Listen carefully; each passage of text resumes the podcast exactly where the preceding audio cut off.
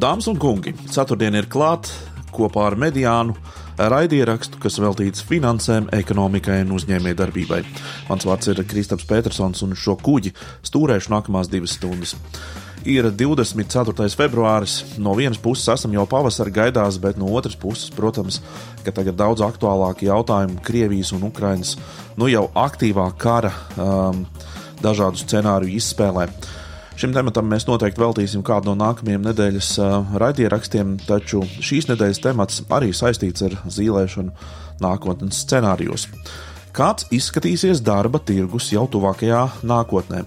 Pie mums šonadēļ ciemos aģentūras ērda biznesa partnere Pārsla Baško, Ričards Križanovskis no jaunu uzņēmuma Upmatched, labklājības ministrs no jaunās konservatīvās partijas Gatis Eglītis, ekspresa intervijā par piekāžu ķēžu variantiem Krievijas-Ukrainas bruņotā konflikta rezultātā iztaujāšu uzņēmuma Import-Export Capital vadītāju Ilgvaru Abelīti, bet šīs nedēļas uzņēmums ir SAF Tehnika.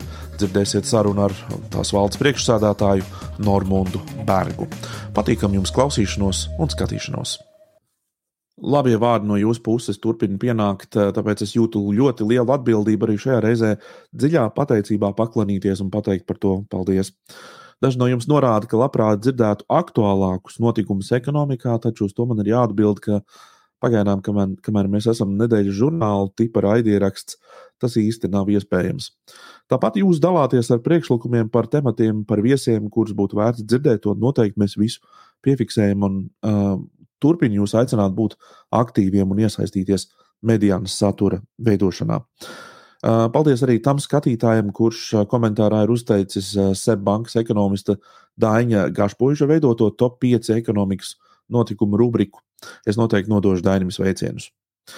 Atgādinu, ka varat mūs dzirdēt, redzēt un atrast, ja meklētājos ierakstīsiet vārdus diena pēc. Diena pēc ir interneta mēdījis, kas atrodams visos sociālajos tīklos, kā arī raidierakstu platformās.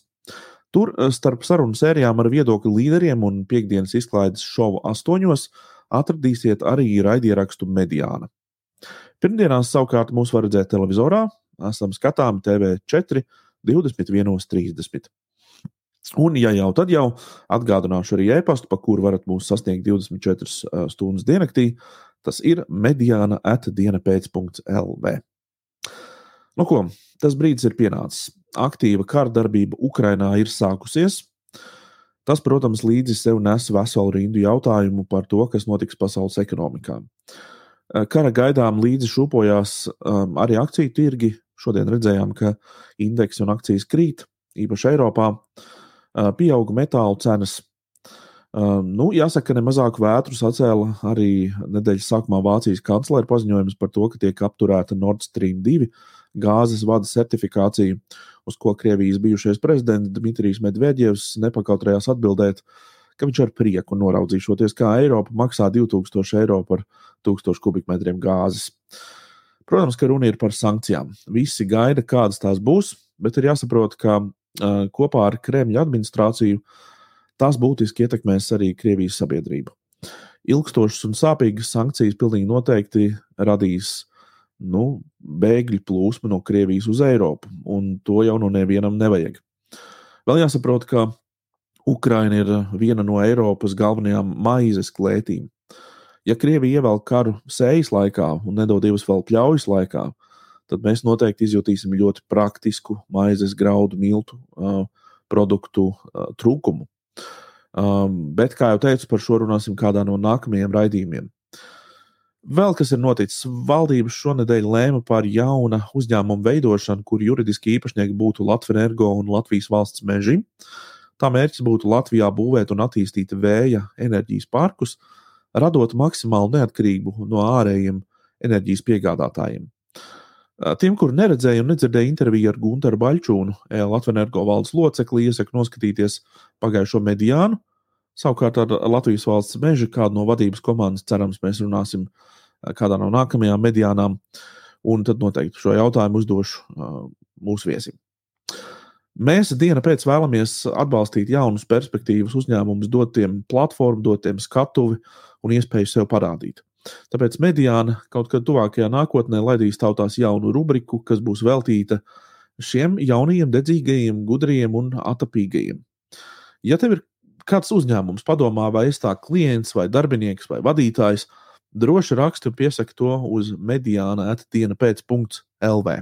Man personīgi nav svarīgi, vai šis uzņēmums uh, greb kaut ko no koka vai ražo pusvadītājus kosmosa zondēm.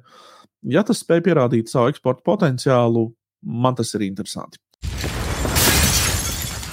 Bet nu gan ķeramies klāt uh, mūsu šīs nedēļas tematam. Atklāšu, ka tas saistās ar kādu pasākumu 3. martā. Tā nosaukums ir The Future of the Jobs 2022. Tas ir starptautisks fórums, kura bāzes vieta ir Rīga, bet kas pulcēs ekspertus no Massachusetts Tehnoloģiju institūta, apvienoto nāciju organizācijas OECD un McKinsey. Visiem, visiem, visiem es aicinu pieslēgties, jo pasākums ir bez maksas. Tas būs internetā. 3. martā sāksies vienos, un tad droši vien ilgs līdz vakaram.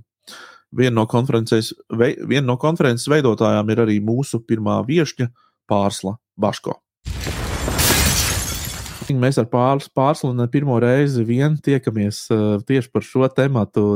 Man šķiet, mēs jau vai tik neatkārtojam vienu un to pašu. Kā tev ir vispār pēdējā laikā? Nav tā, ka sajūta ir, ka visos mēdījos runājot, ir uh, viens un tas pats, viens un tas pats jāstāsta kāds trīs gadus no jauna. Nav tā? Zini, ka nu, vieglākais veids, kā panākt savu vai panākt kaut kādas izmaiņas, ir atkārtot eh, un stāstīt par to pašu tēmu, bet varbūt dažādos veidos, kamēr cilvēkiem pielec vai kamēr visi saprot, cik tas ir būtiski. Jā. Kas ir tā galvenā tēze, kas šobrīd ir būtiski? Jo es parunāju ar Normundu Bergu, uh, Viņam viena lieta ir būtiska, tad es parunāju ar, ar, ar politiķiem, viņiem cita lieta ir būtiska, bet eh, kas no tādas vispārīgi, ja mēs nerunājam par darba devēju, darba ņēmēju šobrīd, bet tāda vispārīgi ir galvenā tēze? Darbspējīgo iedzīvotāju kļūst mazāk, eh, darbspējīgo iedzīvotāju prasmes noveco, un uzņēmumi nespēja tikt līdzi tam attīstības tempam, kas notiek pilnīgi visās citās jomās, kas ir saistītas ar uzņēmējdarbību. Līdz ar to šis te uh, prasmju vai cilvēku iespēju uh, portfelis ir tas, pie kā šobrīd ir jāstrādā gan katram darba ņēmējam individuāli, gan darba devējiem, uh, kā tādiem daļai no sabiedrības, gan īstenībā arī valdībām, lai spētu nodrošināt tādu ilgtspējīgu savas valsts pastāvēšanu. Jā. Es lasīju tieši vien, nesen vienu britu, tas nebija politiķis, tas bija ierēdnis, kurš bija komentējis ekonomistā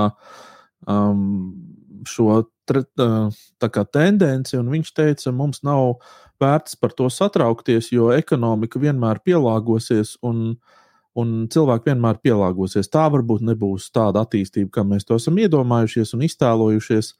Tas nebūs tāds varbūt progress, tas varbūt būs kāds solis atpakaļ, bet uh, Bet ekonomika pielāgosies tieši tāpat, kā es pielāgojos šobrīd, ieejot, um, piemēram, autosalonā, pasūtot automašīnu, un man ir jāgaida, piemēram, 8, 10 vai 12 mēnešus uz to.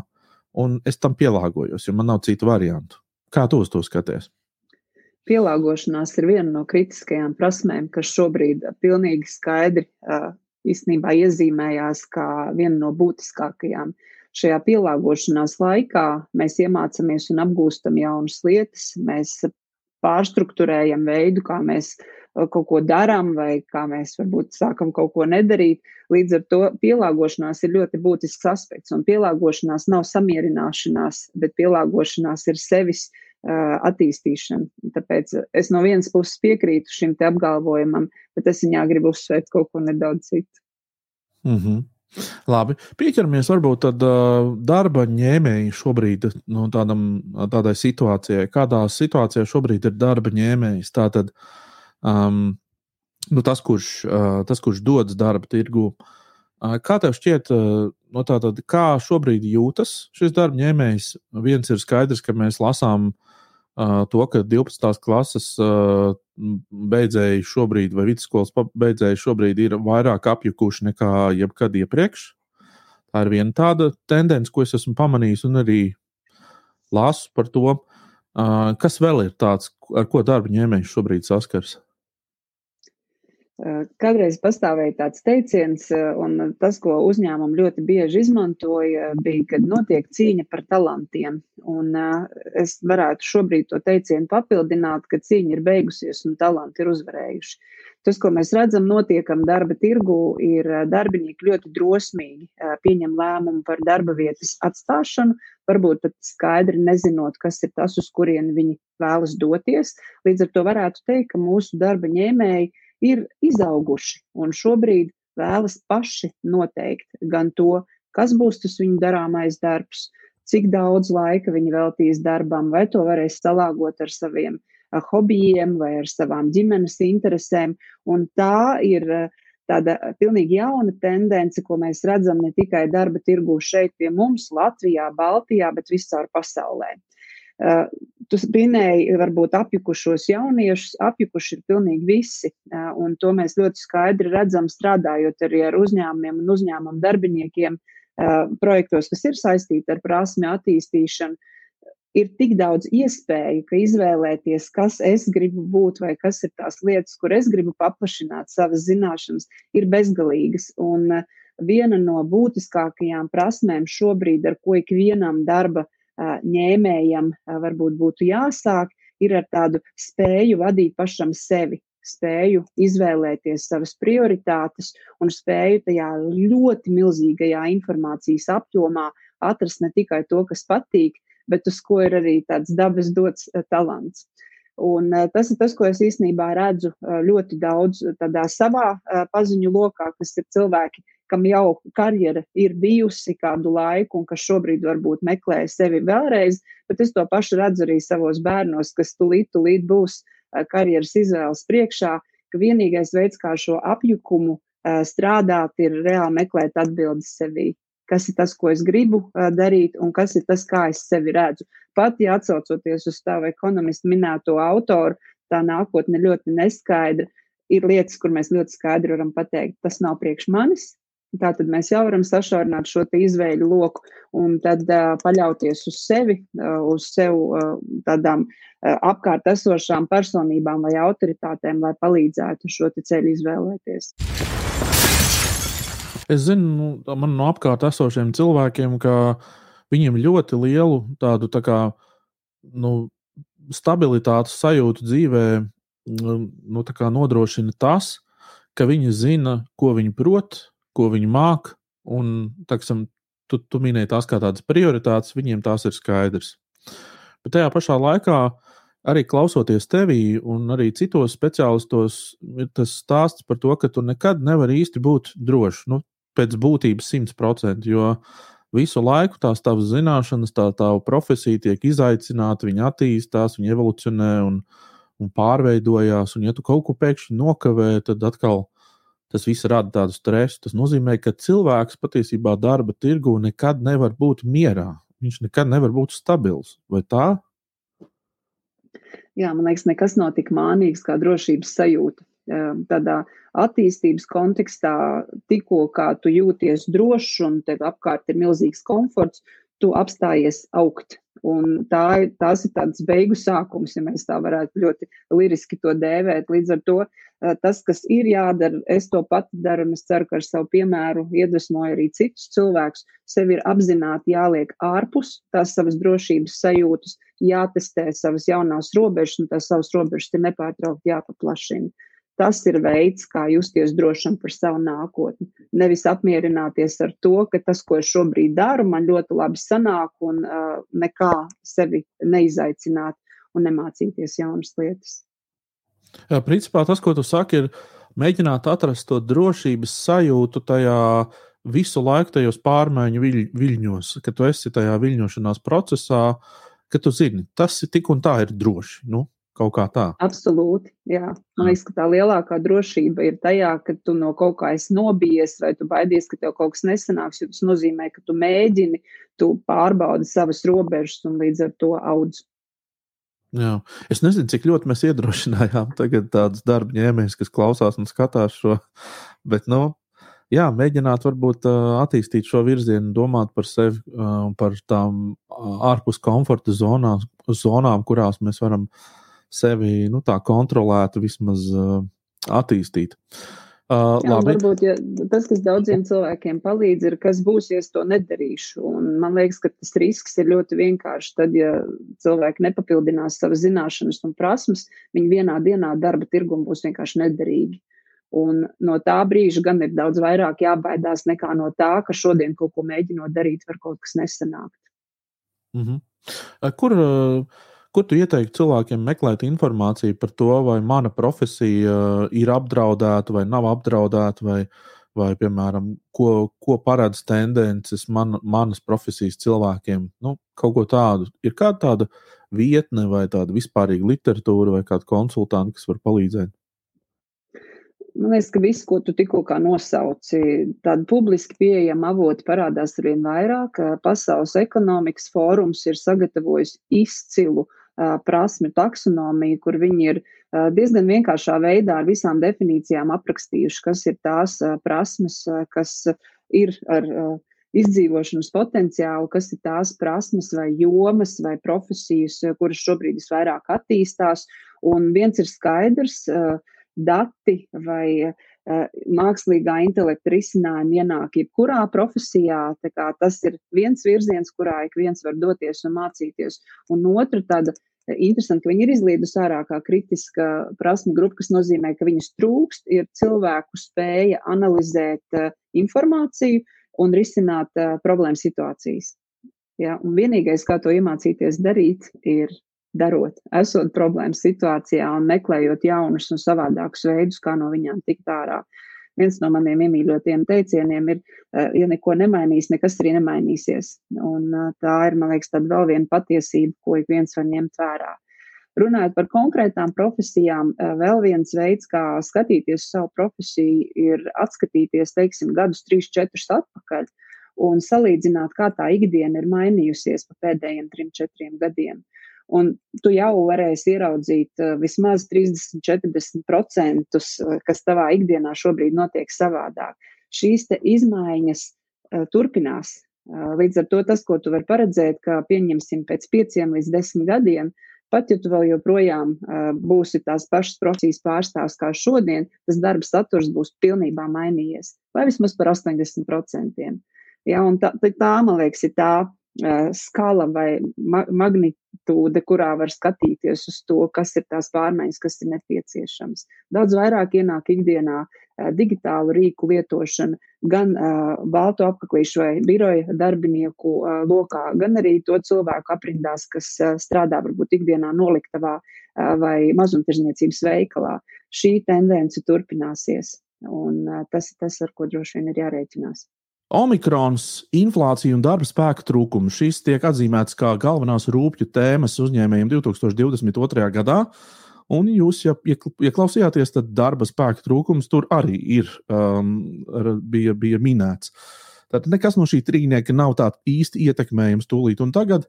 Tās ir vai nu lietas, ar kurām mums ir jāsadzīvo, vai arī kaut kādā pagātnē mēs esam pielaiduši kļūdas un tagad baudām uh, to kļūdu augļus, jeb sekas.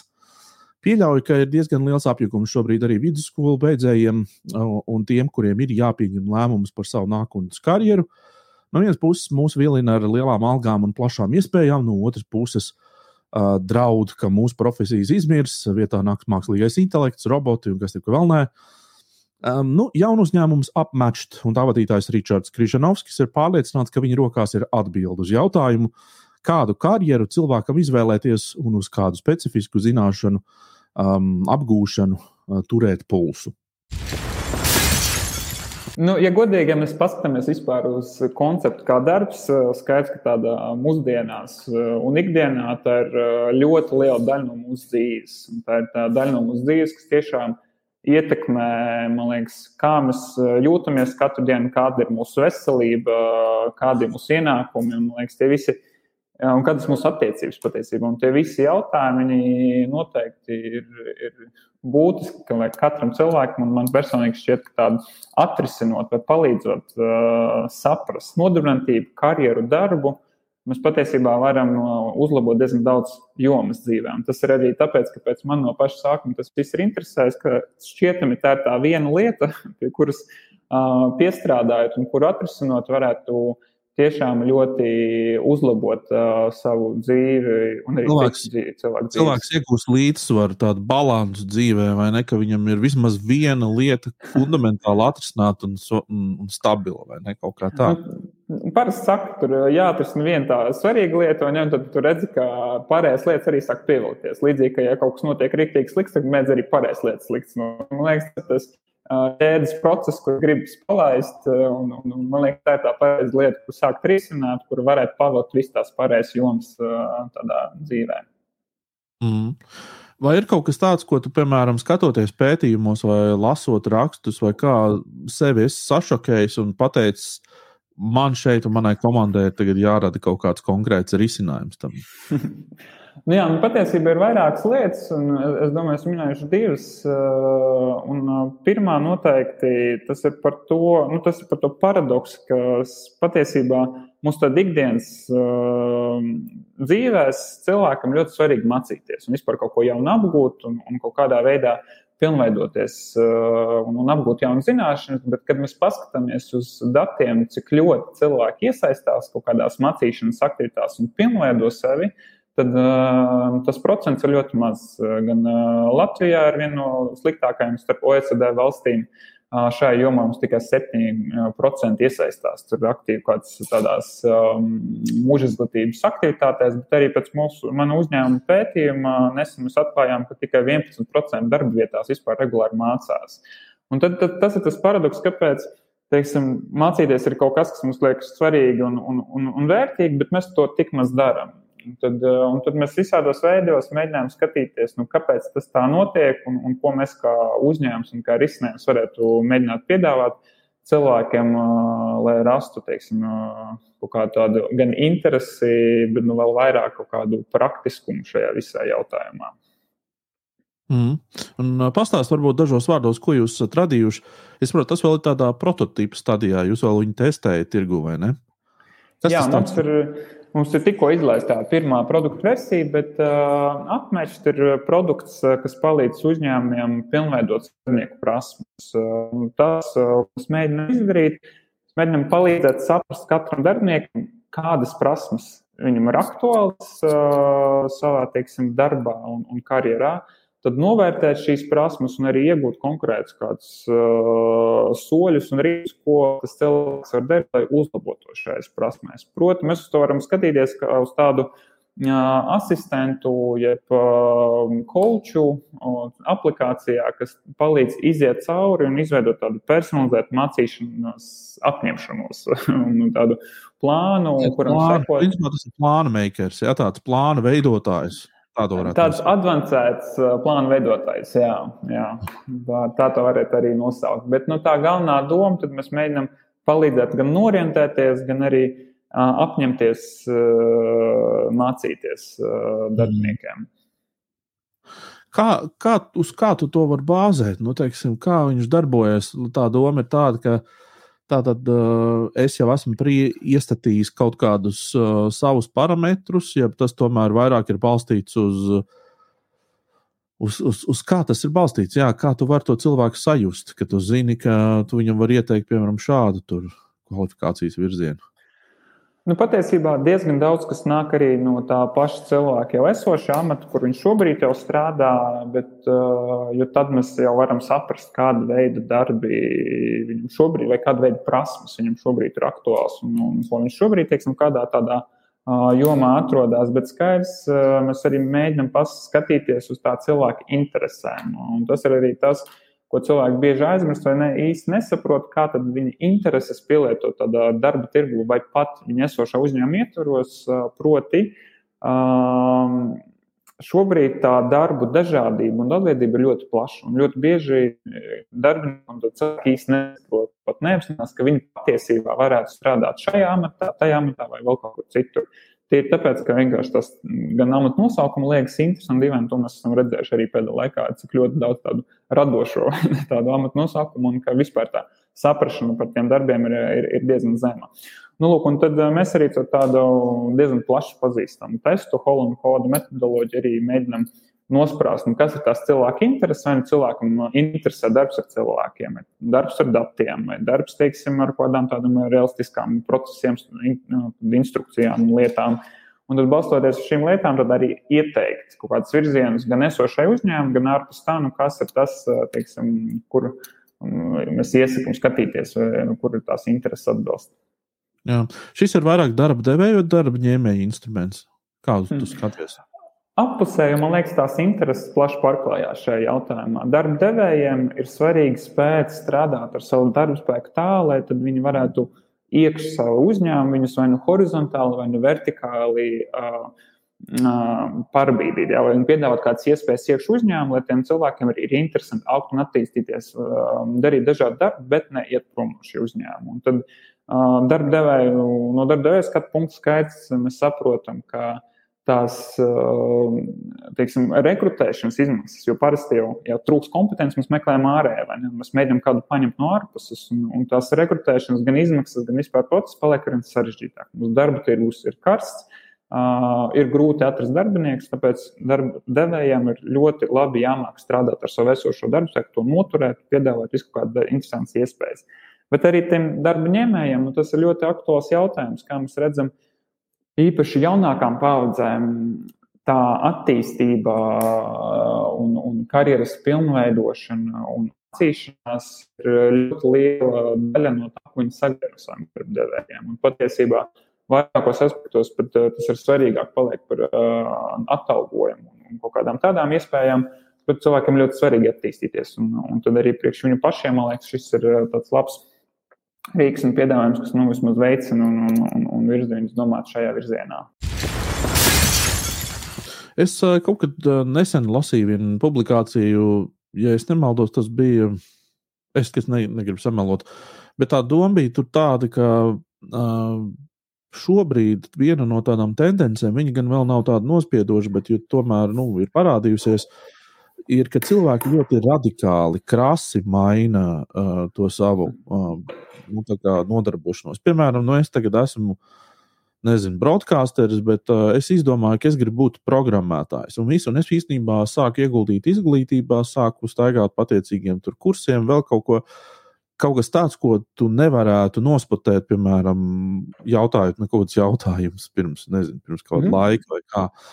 Kā mm. tu redzi šādu, šādus virzienus, ka cilvēki ļoti radikāli maina uh, savu profesijas? Es domāju, es domāju, ka tas ir ļoti sagaidāms, jo nu, jāsaprot, ka mūsdienu pasaulē mums jāpierod pie domas, ka ikvienam ir dot iespēja izdzīvot vairākus tādus mūžus tieši savā karjerā. Un ir jāskatās uz to, ka viens tas karjeras mūžs var beigties, teiksim, 10-15 minūtu laikā, un ir jādomā par kādam nākamu amatu, nākamajam karjeram, nākamajiem darbiem. Um, tas, ko mēs redzam pēc tādiem pasaules vadošiem pētījumiem, tas pats Pasaules ekonomikas fórums jau saka, ka nu, tuvāko līdz 25. gadam patiesībā līdz 50% uh, visu darbinieku būs nepieciešams pārkvalificēties. Ar domu, ka tas viņu esošais darbs tik ļoti mainīsies, ka vairs nebūs aktuāls. Viņiem būs jādomā, kas tad būs jādara kaut kas pavisam cits, vai nu, nebūs tas pats, ko viņi ir darījuši iepriekš.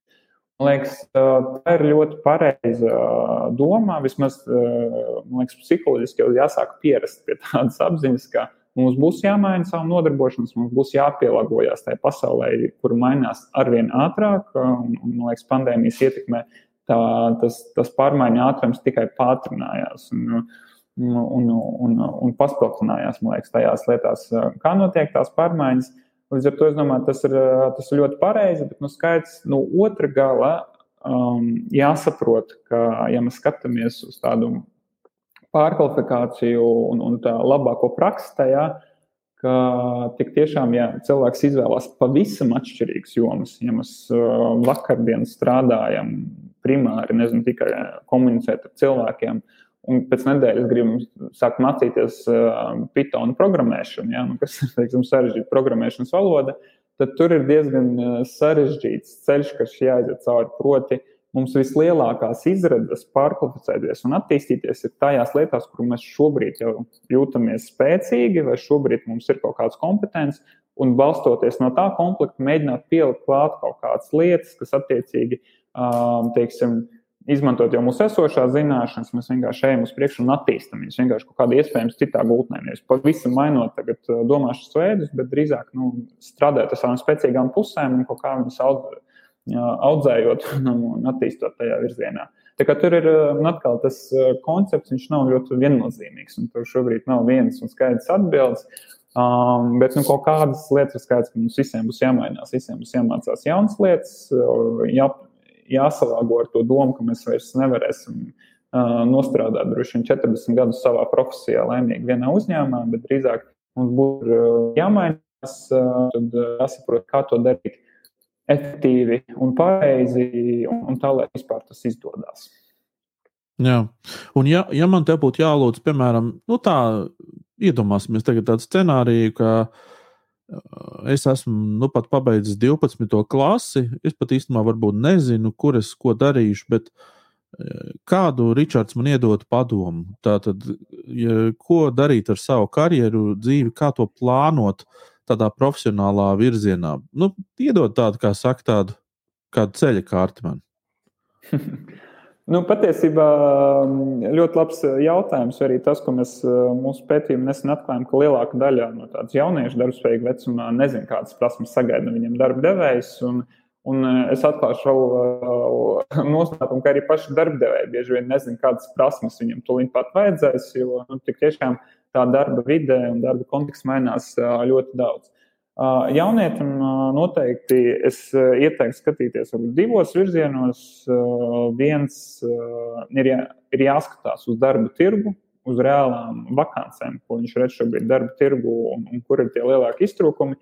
Un tur var pamanīt tādas tendences gan tajās prasmēs, kas trūks darba tirgu, gan teiksim, tās, tajās atvērtajās vakancēs. Skaidrs, ka šobrīd Latvijas tirgu tas viss ir saistīts ar tādu IT sektoru vai ne tehnoloģiskiem darbiem. Tas ļoti bieži saistīts ar svešvalodām. Ir kaut kāds konkrēts, varbūt specifiskāks industrijas, nu, kur gan jādomā tāda ilgtermiņā, vai, vai tā arī paliks, bet joprojām mums, es domāju, nu, skaits aprūpas industrijas, tas joprojām ir ļoti, teiksim, atvērts jautājums. Būvniecība arī joprojām ļoti atvērts jautājums. Bet viens no tas tāds ļoti pragmatisks skatījums uz tām lietām, neskatoties uz to izglītību, arī kuru jau iegūt, jo arī ir, ir jā, jāpierod tās domas, ka tā izglītība nebūs tāds. Tā atbilde darba devējiem, kāpēc kādu ņem darbā, un tā nebūs atbilde, ka tam studentam viss zināšanas jau ir.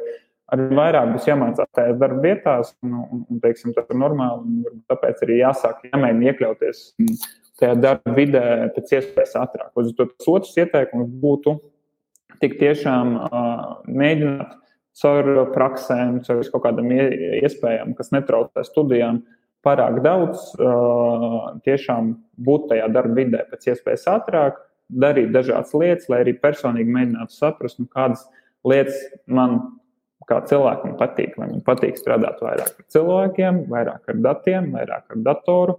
Man patīk nezinu, rakstīt kodu, vai man ļoti tas nepatīk. Tādā veidā arī sev personīgi mēģināt no tā visa šobrīd uh, pieprasījuma diezgan liela, spēt identificēt, nu, kas ir tie virzieni, kas man, uh, kas man pašam uh, interesē. Bet, nu, jā, līdz ar to tas ir ļoti svarīgs uzdevums, bet ļoti pragmatisks. Jāskatās uz, uz datiem, uz tirgu, ko šobrīd uh, diktē, un tad, attiecīgi, arī jāklausās un jāskatās, ko vispār ir paredz, kā nākotnē būs, būs teiksim, aktuāls gan Latvijā, gan arī pasaulē. Nu, kas arī ir lielisks. Uh, iespējas, kas mums šobrīd tuvēs, tāpat arī konferences par nākotnes darbu.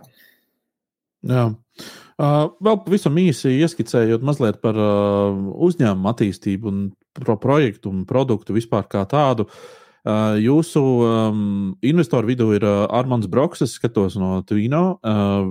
Vai ir paredzēts vēl kaut kā, es nezinu, piesaistīt vēl kādus investorus, attīstīt kaut ko plašāk un tā tālāk, iet nākamajos raundos kaut kā. Kādi, kādi ir tie mērķi un plāni? Mēs plānojam notikt ļoti ambiciozi, un mēs attīstāmies kā jaunu uzņēmums, kas paredz arī gan investoru piesaisti nemitīgi, gan arī diezgan strauju um, augšanas uh, trajektoriju. Un, un tādā ziņā mēs, mēs paši ļoti ceram, ka šobrīd ar mūsu pirmo produktu mēs spēsim arī dabūt pietiekami daudz gan pozitīvu atsauksmi, gan tādu lietotāju, kas izmanto šo rīku, nu, lai attiecīgi spētu piesaistīt nākamās investīcijas un šo rīku tad arī attīstīt starptautiski. Pagaidām mēs vēl esam tādā Baltijas valsts mērogā un, un, un, un izmantojam šo vidi vairāk tādu testēšanas, ja sandbox vidi, kurā mēs tiešām mēģinām to produktu līdz galam saprast, attīstīt un, un, un piekoriģēt. Un, un kad mēs saprotam, kas ir tas teiksim, pareizais komplekts produktā, tad ar to arī iet startautiski virzīties. Cerams, ka apmečti jau pavisam drīz nonāks mūsu rokās. Varēsim ielūkoties, ko algoritmi mums zīmē kafijas biezumos. Nu, labi, es sākstu tos. Protams, ka es novērtēju to darbu, ko Ričards ar komandu ir ieguldījuši, un ticu, ka daudziem tas palīdzēs likt paskatīties uz savām karjerām un nākotnes izaicinājumiem daudz racionālāk. Man personīgi pēdējo 12 gadu laikā nav bijis darba devēja, līdz ar to man ir diezgan grūti iekāpt šobrīd darba ņēmēji kurpēs un, piemēram, iz, iztēloties, kā jūtas uh, vīrietis manā vecumā, nu tas ir ap uh, gadiem 40 kurš strādā kādā profesijā X, un ik mēnesī, kādā noteiktā datumā, saņem noteiktu naudas summu. Daudziem ar šādu dzīvesveidu sta saistās stabilitāte un prognozējumība, taču te nu ir gan jāieklausās pavisam uzmanīgi, jo futurologi un personāla vadības guru visā pasaulē saka, ka tas tā vairs nav. Tā vairs nav nekāda stabilitāte. Šobrīd visas tektoniskās plāknes ir kustībā, šobrīd būt komforta zonā uh, būt komforta zonā iekšā, tas nozīmē, ka tā ir kustība. Ja? Tas ir tas, ko sarunā jau iepriekš minēja Erda biznesa partneri Pārsla Baško. Un jāsaka, šī filozofija faktiski ir satricinājusi visu darba devēju pasauli arī. Jo arī viņiem ir zem kājām izsists pamats, viņi nezina, kā, kā īsti rīkoties, kā īsti uzvesties. Jo šis tradicionālais modelis, nu, kas gadu desmitiem vienmēr ir strādājis, nu, pēkšņi, pēkšņi ir saļodzījies. Te nu mēs atgriežamies pie sarunas ar pārslu. Uh, ik viens darba devējs, ar ko es pēdējā laikā sazinos, uh, visi saka, ka darbinieki iet prom, uh, notiek ļoti liela darbinieku mainība. Un, uh, ja ir pat uh, vietas uh, un ir ļoti interesanti darbi, nav kandidātu, cilvēki vairs nepiesakās, un ir ļoti daudz darba vietas, kas šobrīd ir Eh, tukšas. Tātad būtu vajadzīgi profesionāļi vai varbūt pat mazāk izglītot cilvēku dažādiem darbiem, viņu vienkārši nav. Un tur viena no galvenajām tendencēm, pie kā šobrīd es jau redzu, strādājam ļoti daudz darba devējus uh, Eiropā un Amerikā. Pie mums šis vilnis pamazām iestājās, varbūt ne tik strauji kā šobrīd, ir maksimāli investēt esošajos darbiniekos un mainīt uh, darba vidi, uh, darba ieradumus, darba rīkus tā, lai tie esošie darbinieki gribētu pie tevis palikt. Uh, Zana Čukstēna, man biznesa partneri, uh, vienmēr uzstājoties, saka, tur ārā neviena nav. Un tā ir tā patiesība, kas pamazām uh, darba devējiem ir jāapzinās, un daļa īstenībā to jau ir apzinājušies, un ir jāmainās pašiem tas vecais likums, ka, ja viņiem te kaut kas nepatīk, viņi var iet prom, nav ilgspējīgs. Jo talanti ir uzvarējuši, atceries? Jā, tu teici to, jā. Bet, nu, ko tas nozīmē? Tas nozīmē, ka tās vakānas paliks atvērtas mūžam, vai mums viņas ir vienkārši jā, jāņem ārā no sludinājuma dēļ un jādomā, tagad, ko darīt, nu, kā pārorientēt, varbūt tur biznesu vai kādu jomu vai kaut ko tamlīdzīgu. Tie risinājumi ir vairāk. Eh, tas, ko es redzu, daļa darba, ņēmē, eh, darba devējus darām, ir eh, viņi maina šo amatu būtību un pielāgojās tām cilvēku prasmēm, kas viņiem ir pieejamas. Vienlaicīgi arī meklējot, kas ir automatizējams. Jo automatizācija nenozīmē, ka cilvēki pazaudē darbu. Automatizācija nozīmē, ka cilvēki var fokusēties uz vairāk uz tām lietām, kas pievieno vērtību klientam, sabiedrībai, kādai citai svarīgai iesaistītajai pusē, un vienlaicīgi uzņēmums var daudz labāk plānot un prognozēt savu nākotni. Automatizācija visdrīzāk ir tā atbilde tām esošajām vakancēm. Mm -hmm. Labi, Jā. Labi. Nu, nu, to droši paturpini. Nē, nē, es vienkārši arī tajā investīciju darbinieku ziņā arī tur tas, vismaz, ko es redzu, ir, ka ir tādas divas galējības. Viena galējība ir, ka darba devējs ļoti pielāgojās tam, ko darbinieks ir izdomājis, ka viņš grib mācīties. Nu, pieņemsim, ja darbinieks uzskata, ka viņš grib sākt apgūt ķīniešu valodu, pat ja viņš šobrīd nav nepieciešams, uzņēmēji ir gatavi investēt savus līdzekļus šajās iegribās, kas visbiežāk ir balstītas uz vēsturi un uz darbinieku izpratni par to, kas viņam ir svarīgi vai nav.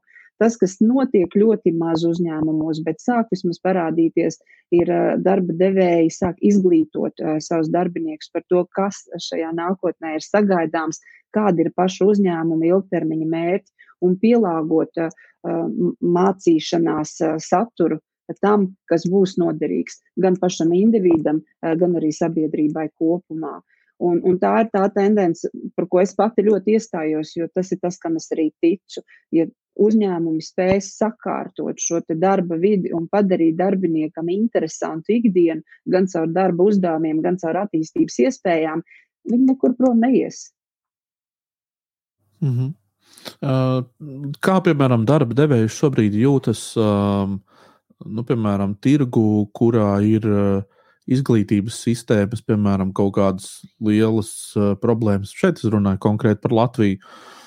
Jo nu, skaidrs, ir kaut kādas valsts, kurām klājās drusku labāk ar šo, ir valsts, kurām ir vēl kritiskāk, bet nu, mēs esam tādā situācijā, kādā esam.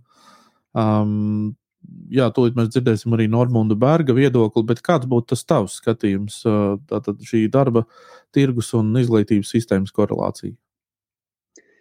Viņi pastāv, un uh, tur šobrīd, man liekas, laimīgs nav pilnīgi neviens. Ne tie cilvēki, kas apgūst izglītību, ne tie, kas izglītību nodrošina, ne arī uzņēmēji, kas saņem pēc tam šos uh, pusfabrikātus, uh, ja mēs viņus varētu tā nosaukt.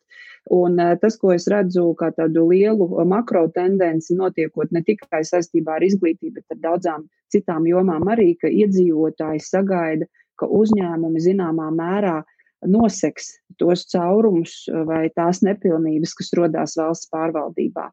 Uh, viena no šīm jomām ir arī izglītība. Uh, es domāju, ka mēs varam par to atsevišķi pat diskutēt, cik šobrīd šī sadarbība ir veiksmīga, cik es esmu piedalījusies dažāda veida darba grupās un sarunās gan ar izglītības iestāžu vadītājiem, gan ar uzņēmumu vadītājiem, tur nav skaidrības, un šie mērķi nav vienoti. Uh, ja izglītības iestādes strādā pēc programmas, kas ir pieņemta, es nezinu, cik gadus atpakaļ un kas viņā ir paredzēts, tad uzņēmēji šobrīd jau gatavo savus darbiniekus uh, darba tirgumu, kāds pie mums eksistēs pēc diviem, pēc trim, pēc četriem gadiem. Līdz ar to šī šķēra ir milzīga. Un, ja izglītības sistēma nespēja nodrošināt tās prasmes, kas ir nepieciešamas darba devējiem, tad tā ir tā daļa darba, kas ir jāuzņemās pašiem darba devējiem. Dāmas un kungi, un nu piedāvāju sarunu ar mūsu, varētu teikt, šīs nedēļas cilvēku, kuru vēlāk dzirdēsiet arī sadaļā nedēļas uzņēmums, uzņēmēju Normundu Bergu. Eh, viņa teiciens, bērni mācieties fiziku, ir jau folklorizējies, un viņa skarbie, tiešie, precīzie vēstījumi par Latvijas izglītības sistēmu un darba tirgu ir bijuši visur presē. Mēs to esam lasījuši, mēs to esam redzējuši televizorā. Un man ir bijis, bija tas gods un izdevība ar Normundu būt ekrānu pret ekrānu, un te no ir arī mūsu saruna par aktualitātēm darba devēju pusē. Saki, kā tu, piemēram, kā darba devējs šobrīd nu, jūties darba tirgu? Vai nu, tu esi apvienots ar visu, vai, vai, vai tu redzi kādas plaisas, vai tu redzi kā, kādus izaicinājumus? Es domāju, ka šis ir tāds ārkārtīgi retorisks jautājums, jo visi darba devēji pēdējos 20 gadus darba tirgu jūtas ārkārtīgi slikti. Nu, par to jau tiek žvadzināts no agra rīta līdz vēlam vakaram, ka kvalificēta darba spēka trūkums ir pilnīgi visās nozarēs, un ka izglītības sistēma nu, nespēja pieražot to, kas ir nepieciešams darba tirgum. Nu, tur var dažādus pētījumus, nu, visu, vis, ko gribi, bet, bet tas stāsts ir nu, tāds konsistents nu, nav, nav līdzsvara darba tirgu. Kopumā šobrīd izglītotais darba ņēmējs nu, ir tas, kas nosaka toni. Un, protams, vēl ir jā, jāsaprot, ka jo augstāk tehnoloģiski ir industrija, jo šis darba tirgus ir uh, starptautiskāks. Nu, kopumā šobrīd izglītotiem cilvēkiem nu, ir pilnīgi visas iespējas strādāt visā pasaulē. Tā kā kopumā Latvijas uzņēmēji konkurē globālajā darba spēka tirgu. Tas nav viegli. Nav, ir slikti. Viss ir slikti, ja gribas nu, šādā, šādā veidā. Jā, nu, Un, Bet protams, nu, es tev, es tev oponēšu atkal no otras puses. Uh, Normāli es tev oponēšu. oponēšu no otras puses. No, mm. ja, ja tu saki, ka viss ir slikti, tad uh, kāpēc tad mēs redzam, ka uh, eksportējošu uzņēmumu gan apjomi, gan apgrozījumi kāpj, uh, ekonomika pēc būtības mm -hmm. uh, kāpj? Kur ir, nu, mhm. kā, kā tu, tu to pamato? Nē, pagaidi, tu jau uzdevi jautājumu, kas notiek ar darba tirgu un manām sajūtām. Nu, labi, jā. Bet nu, tā pašā nu, laikā rezultāti tagad, ir labi. Jā, nu, ja mēs tagad pakāpjamies no tā darba tirgus un visām tām mokām cilvēku atrašanā, tad kopumā jāsaka, ka tiem, kuriem ir izdevies noklāpēt nu, kaut kādu komandas kodolu, ja, tas bizness, nu, īpaši elektronikā un IT, nu, īstenībā visā apstrādes industrijā droši vien, kad ir, ir vērts paplest arī to plašāk, jo kociniekiem, ja, nu, atkal augšā lejā tas, tas ir tādas cikliskākas lietas. Un, un tur dažādas biržas izēvielas svārstības. Bet tajās vietās, kur ir nepieciešamas cilvēku zināšanas, nu, kas nav tik tiešā veidā atkarīgas nu, no izēvielu biržas cenām ja, un piegādēm, tiem visiem iet labi.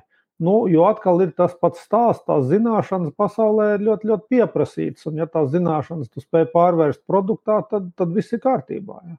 Nu, un tiešām paradoxālā kārtā, īpaši elektronikas industrijā un arī IT, nu, tā pandēmija ir ļoti, ļoti palīdzējusi. Bet kopumā nu, pandēmija ir viss mūs iedzinusi tādā nu, virtuālajā komunikācijā, un elektronika un IT spēlē noteicošo lomu šeit. Ja.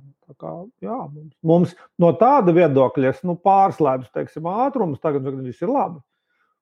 Nu, tikai viss ir slikti. Tad, ja tu aizēji pie, pie, pie personāla cilvēkiem un saki, ir šausmas, mums ir 15 vakants, un mēs neredzam, kā mēs ar Latvijas cilvēkiem to aizpildīsim. Nu, tā ir vēl viena lieta, ko mēs konkrēti šobrīd ļoti, ļoti mācāmies. Un ne mēs vienīgie ir komplektēt darba spēku tāpat no visas pasaules. Nu, ja tev tas cilvēks uh, kopumā strādā ekrānā, nu, tad ir pilnīgi vienalga, kur viņš atrodas. Jā. Nu, un, un, tās ir tās realitātes, nu, kas, kas ir jāsaprot, nu, pie kā ir jāpielāgojas. Mm -hmm. Ja runājam par elektronikas nozari, piemēram, tu teiktu, ka šobrīd tā turas joprojām uz tādiem nu, vecajiem kadriem, vai, vai, vai kur tad ir tas? Uh, tomēr vēl tas panākumu tā atslēga? Nu, tie vecie kadri nu, pat jau ļoti strauji dodas pensijas virzienā. Bet vēl ir. Nu, es jau esmu vecais kadrs, un kopumā tādu kā es, un arī vecāki nu, industrijā ir, ir stipri daudz. Bet jāsaka, nu, tomēr 30 gadi ir bijuši, nu, lai to speciālistu loku atjaunotu, apmācītu, sameklētu jaunus cilvēkus. Nu, es nevaru runāt, zinu, kā ir vidējo temperatūru slimnīcā mērīt, ir tāda šausmīgi nepateicīga lieta. Ja? Un, uh, es domāju, ka arī elektronikas nozarē Latvijā nu, ir ļoti dažādi. Ir tiešām tādi uzņēmumi, kas lēnām paliek arvien vecāki un saraujās, un ir uzņēmumi, kuri diezgan veiksmīgi nu, veids šo nomaiņu, man gribas teikt, nu, SAFs ir viens no tiem, ja, kur mēs ļoti, ļoti mērķtiecīgi, bet tas ir tiešām ellīgs darbs. Nu, tas nozīmē faktiski, ka tev ir jāveic nu, tas skolas un augstskolas darbs, ka tev tas, tas cilvēks ir jāiemāca tām lietām, un tas ir nu, divi, trīs gadi minimums. Nu, kamēr inženieris sāk saprast, vispār, ko viņš dara, jā, nu, kas tas ir, ar ko viņš nodarbojas. Tas nav ātri, un tur nav nekāda ilūzija. Jā. Nu, un tad, protams, ir tā sadaļa, nu, kas ir pavisam jauna uzņēmuma. Ir arī tādi, un, kur tiešām tur tikai jaunie inženieri sanāk kopā un, un arī kaut ko uztais.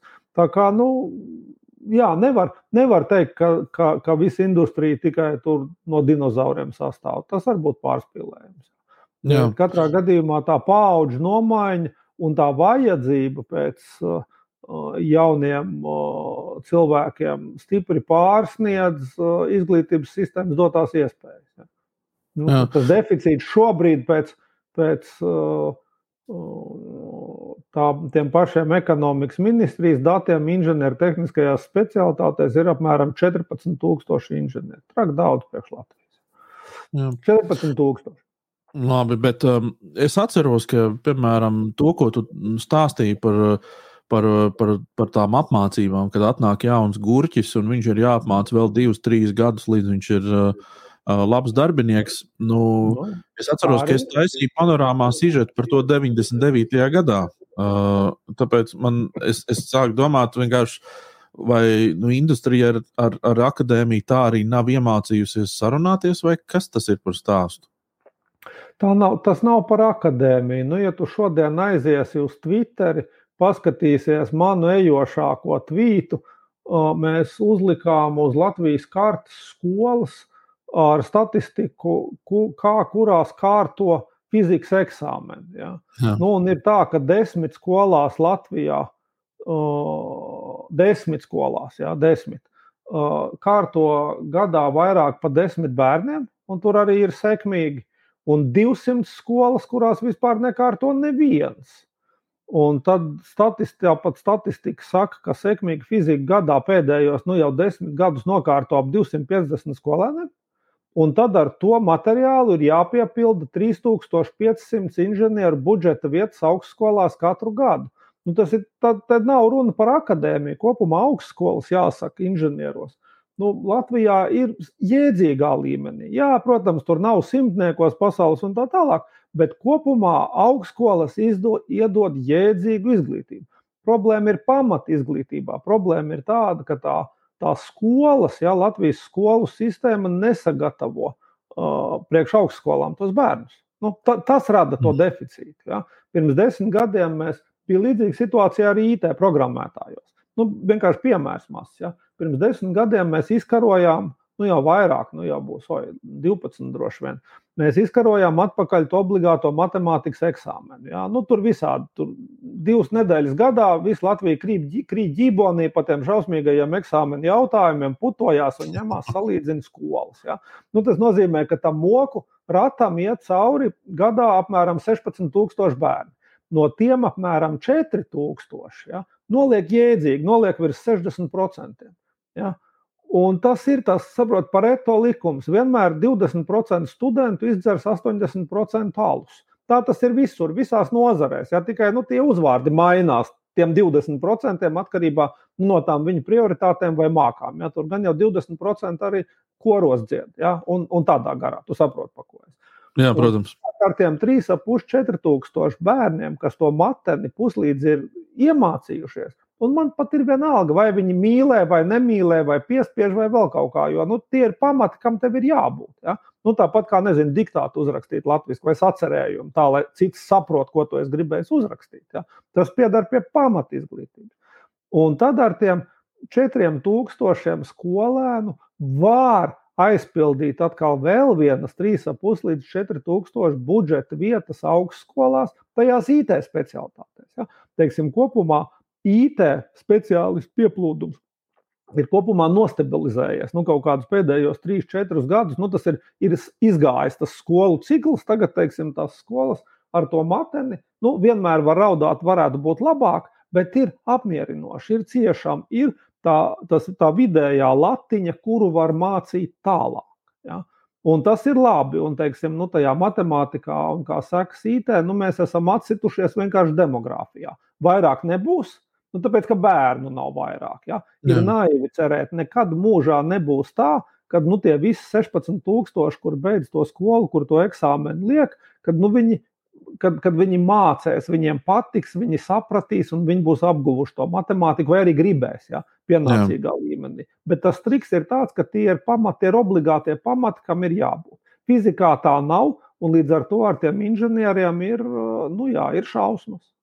Un nu, tas, Bet, ja, tas ir tas jā. manu vainu, manu cēlonis. Ja, kad viss tā mašīna ir salūzusi pašā saknē, sen jau. 30 Bet, gadus. Vai mēs varētu mēģināt šo atrisināt ar tādu kā PR triku? Proti, nu, līdzīgi jau tas ir mazliet IT jomā izdevies, ka um, jaunieši un arī bērni ir tagad uzzinājuši par to, ka IT maksā lielas algas. Nu, Un, principā, tu šobrīd vari savu dzīvi nodrošināt, ja tu esi pamatus uh, iemācījies un, un, un esi puslīdz labs. Tev pat nav jābūt ļoti labam IT tur, teiksim, speciālistam, bet tu esi puslīdz tāds mm. sakarīgs. Tu zini, ka tu tev ar dzīvošanu nebūs nekādas problēmas. Jo tu zini, ka tev būs atalgojums. Vai šī ir laba motivācijas sistēma, tavuprāt? Jā, tu pieķēri, tu pieķēri šausmīgi interesantu lietu. Jā. Tā, tā ir ka eksaktajās zinībās, visās inženierzinātnēs, arī IT, tev pietiek tikt nu, pāri kaut kādai tai nu, ieejas latiņai, un kopumā tev ir nu, ļoti jēdzīgi nodrošināt dzīvi. Ja? Kur pretī tajā humanitārajā pusē, vai tas ir žurnālistikā, vai rakstniecībā, jebkurā izpildītāja mākslā, nu, tur tas likums ir tāds, ka pirmais apēd visu kūku. Nu, mēs, mēs arī sportistā, arī sportistus profesionālos, nu, tas ir mums atražo visu laiku masu informācijas līdzekļi, to glamūru un, to, un skaita tos šausmīgos miljonus, nu, ko tie cilvēki pelna. Ja? Nu, pak, kautrīgi noklusējot, ka miljoni kopumā dzīvo pusbadā tajā pašā industrijā. Ja? Nu, tā ir. Tas ir tas, ir tas humanitāro specialitāšu posts. Ja? Un, un, nu, ne, es domāju, ka puslīdz zina. Un ar inženieriju nu, tas šovs, šova elements uh, kāpi. Un kopumā sabiedrībā interese ir milzīga. Nu, teiksim, mēs redzam, ka nu, viena lieta ir nu, tas bubulis, tas obligātais eksāmens. Ja? Nu, jebkurā sistēmā vajag tur rungu un vajag burkānu. Savukārt, nu, tā ir tā runga. Nu, tas ir obligātais, saka, mīļā, nu, ja, ja valsts nodrošina izglītību, tad izglītības teiksim, minimums ir 1, 2, 3. Šis, ja? Tev jāmāk lasīt, rakstīt, jāzina matematika un jāzina, un jāzina fizika. Nu, droši vien arī svešu valoda kāda. Ja? Bet uh, tas burkāns ir pulciņi. Un, ja elektronika īsti nelido, tad robotika lido gan. Teiksim, mēs Latvijā esam nu, piedalījušies, palīdzējuši, uzbūvējuši 50 apmēram robotikas pulciņus pa visu Latviju. Protams, nu, tagad tā sērga diezgan nepalīdz. Ja, tur pēdējie divi gadi ir mokoši bijuši. Bet kopumā tie robotikas pulciņi iedod milzīgu interesi.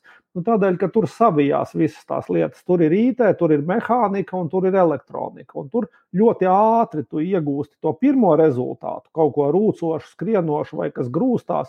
Un tad tu vari lēnām murķēties, nu, no kā tas sastāv. Un, un, un, un, un vecākiem patīk, un bērniem patīk, un mēs atduramies pārsvarā pret skolotājiem. Mēs, un arī skolām patīk. Nu, viņas būtu gatavas dot telpu. Nu, vēlreiz, tā materiālā daļa nav problēma. Ja?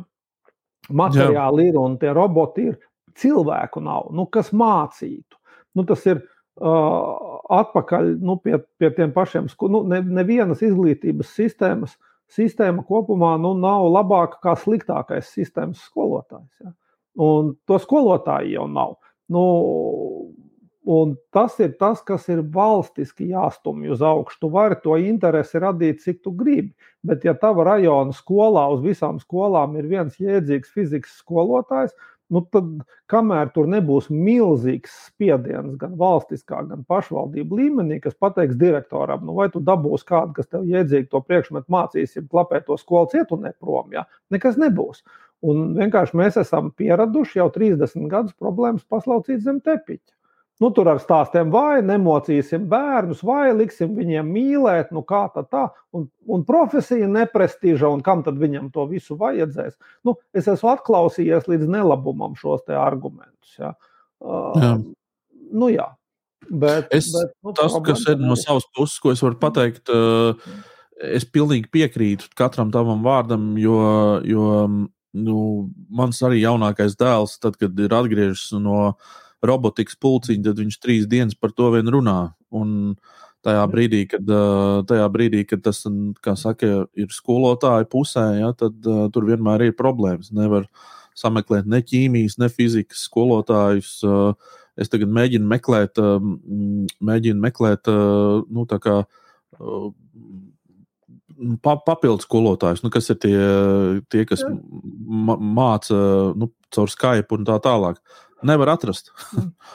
Nevar nu, atrast. tā, ir, tā, tā ir, protams, lieliska ziņa arī zinošiem cilvēkiem patiesībā skolotāja, privāta skolotāja, vai repetitora, vai pulciņa vadītāja amats ir brīnišķīgs bizness. Un Protams. tas, un, nu, tur var tiešām pelnīt un ļoti labi pelnīt. Un tiešām tas, kas šobrīd aug, nu, un tas arī man ir jāsaka milzīgs pārmetums Latvijas izglītības sistēmai. Nu, pat jau divus gadus mums bija iespēja trieciena tempā attīstīt visas šīs lietas, attīstīt visas attālinātās mācības. Nu, ir skaidrs, ka, ja tev sistēmā trūkst, nu, es spekulēju, bet vien tur 200, 300 fizikas skolotāji, ja, nu, viņi neradīsies no nekā. Tas nozīmē, ka sistēmai ir jābūt ļoti radošai, jāsalauž tur visas iesīkstējušās tradīcijas un, un tas, kas nu, mēs darīsim kā vienmēr. Ja? Un ir jādomā, kā tikt no tās situācijas ārā. Ja? Tā ir. Un, un nu, šobrīd tiešām gan tehnoloģijas, gan arī nu, tie, tie bērni kopumā. Nu, es domāju, ka viņi baigi gatavi ņemt visas tās jaunās lietas. Jā. Bet tas nu, nenotiek, ja nu, notiek ārkārtīgi lēni pie mums. Virzāmies tālāk. Un tematā par darba spēku Latvijā šodien mēs iztaujāsim vēl vienu flangu, proti, politikas veidotāju pusi. Vēl pirms tam uh, Mēs paturpināsim sarunu ar uh, Pārslu Baško. Un piesakot šo sadaļu, es gribu teikt, ka mēs esam ieskicējuši tādus kā darba ņēmēju pozīcijas, darba devēja pozīcijas. Un tad nu, ir pienācis laiks tiem politikas veidotājiem un, un mēģināt saprast, kādā veidā šī darba spēka politika Latvijā tiek virzīta, kāda ir tā stratēģija, uh, Uh, un tie cilvēki, kuri ir valdībā, tātad ir līmenis ar cilvēkiem, kuri noteikti ietekmē virkni dažādu procesu. Um, viens no tiem ir, piemēram, ekonomikas ministrs, arī labklājības uh, vai, piemēram, izglītības ministrei ir ļoti liela ietekme šajos jautājumos. Lai nu kurš tas arī nebūtu, mums kā vēlētājiem, kā šīs valsts pilsoņiem, ir īstenībā pienākums dot skaidru un precīzu uzdevumu šiem politiķiem, kā rīkoties. Un iespējams, ka mūsu pusē ir bijusi uh, diezgan li liela nevienlīdzība, jeb ne, neskaidrība uh, un, un nepārliecinātība par to, ko tad nākotnē mēs no, no politiķiem vispār varam pieprasīt. Un tāpēc jau vien es ļoti priecājos, ka nākamā nedēļa konferencē mēs redzēsim arī pārstāvis no starptautiskām organizācijām, kuri nu, palīdzēs, es pieļauju, šķietināt un un, un, un noteikt šo ceļu un šo virzienu. Bet pagaidām mēs turpinām sarunu ar Pārslu Baško. Viens no tiem virzieniem ir nu, atveram tirgu, nu, atveram vaļā šīs robežas, lai tie talanti plūst iekšā, kļūstam multinacionāli, multikulturāli un tā tālāk. Nu, vienkārši atbildi. Vai ko tu pacēli tikko kādu jautājumu? Tas ir jautājums to. Man nav nekāda problēma. Es droši varu pacelt šādus. Tieši tā. tā. Tas lielākais izaicinājums, ko es šobrīd uh, redzu, ir mūsu kā tautas, uh, bet tas īstenībā pārgājas ļoti daudz arī uh, uzņēmumu vidē uh, spēja iekļaut sev nelīdzīgos. Mēs vēl joprojām mūsu sabiedrībā runājam par to, uh, kāpēc 55-gadīgs speciālists nevar strādāt vienā komandā ar jauniem IT speciālistiem, vai kāpēc sievietēm ir piemēroti medmāsiņu un skolotāju amati, un vīriešiem ir pie, piemēroti noliktavas strādnieku un šoferu amati. Vēl joprojām arī skolā darbmācībā tiek sadalīti puiši un meitenes atsevišķi, un viņi katrs mācās pēc savas programmas tā, tā problēma ir daudz, daudz dziļāka, kā vienkārši atvērt darba tirgu un pateikt, nāk, nākat visi, mēs jūs visus ļoti gaidām, jo tā nebūtu nav.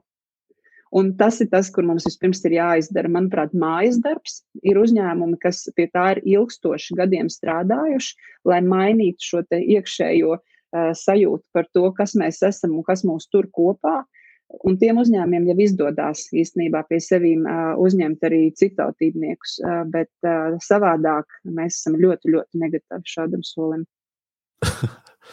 purva, mala, purva malas ļaudis.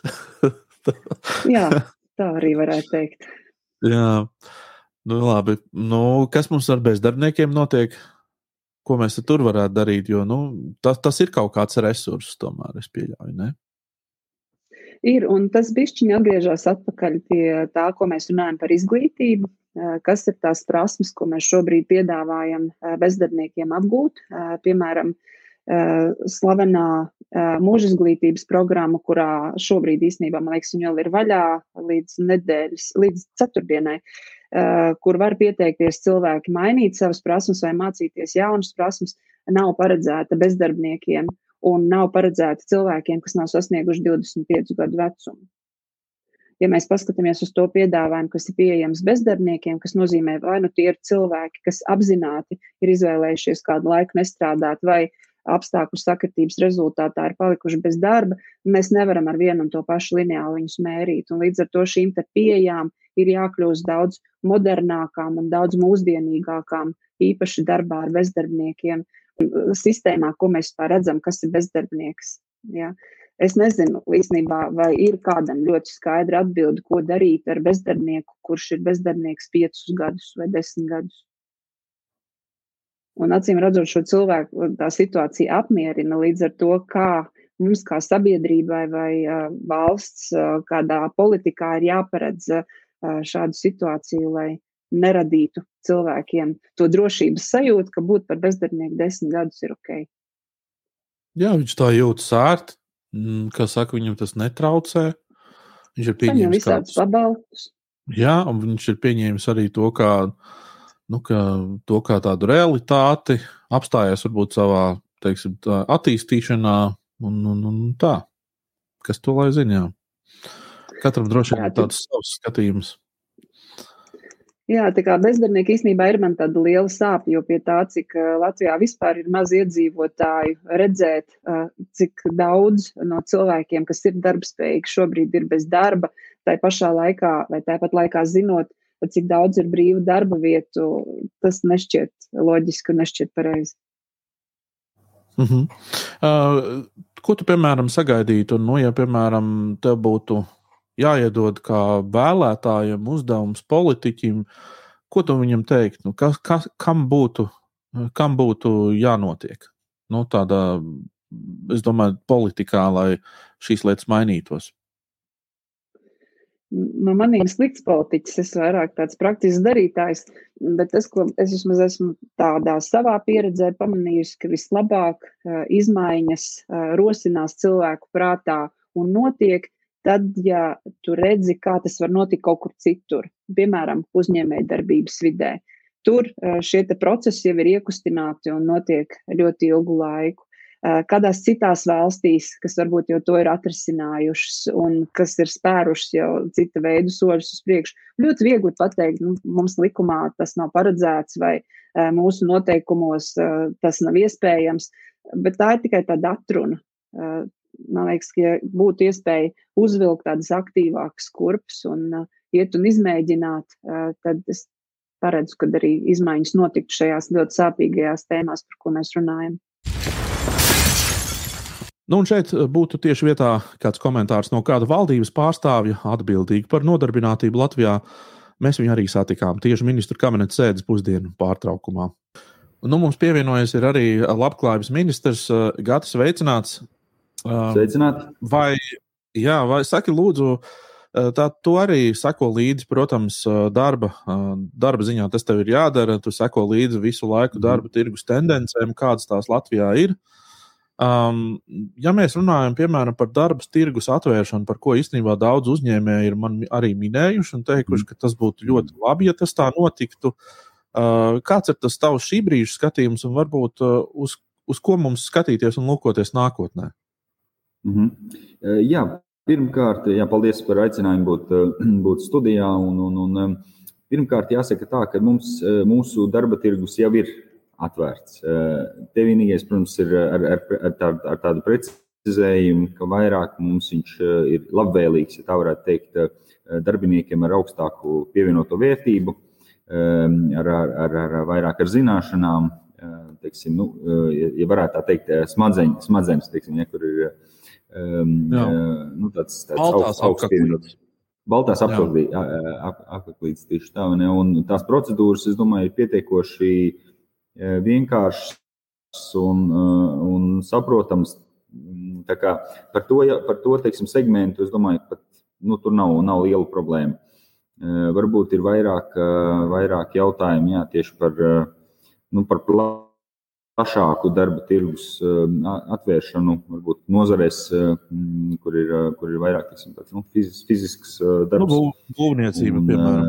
Būvniecība. Nu, piemēram, būvniecība. Jā, vai, vai teiksim, aviācijā mums arī, arī trūkst, vai, vai pakalpojumu nozarēs.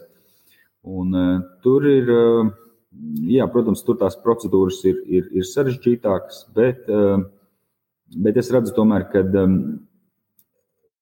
tas, kas jāpatur prātā, ka mums jau ir viena ļoti liela uh, rezerve, darba, darba tirgus rezerve, uh, un tā ir diasporā. Es uzskatu, teiksim, ka tie daudzie, daudzie, daudzie Latvijas valsts piedarīgie, kas ir aizbraukuši ja, uz Vāciju, uz Īriju, uz, uz, uz Dāniju un tā tālāk, ka viena daļa eh, mums ir jādabūna atpakaļ eh, uz, uz, uz, uz Latviju. Eh, un viņus var dabūt atpakaļ, jo vairākās nozarēs nu, jau mums tie algu līmeņi ir pieklājīgi.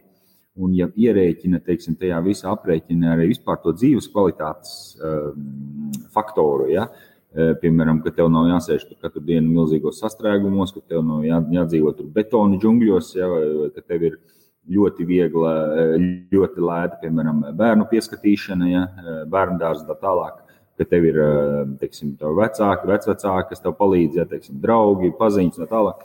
Ja to visu saliek kopā, es domāju, ka Latvija jau ir kļuvusi attraktīva arī daudziem tiem, kas ir pirms 10, 15 gadiem aizbraukuši saka, emigrācijā.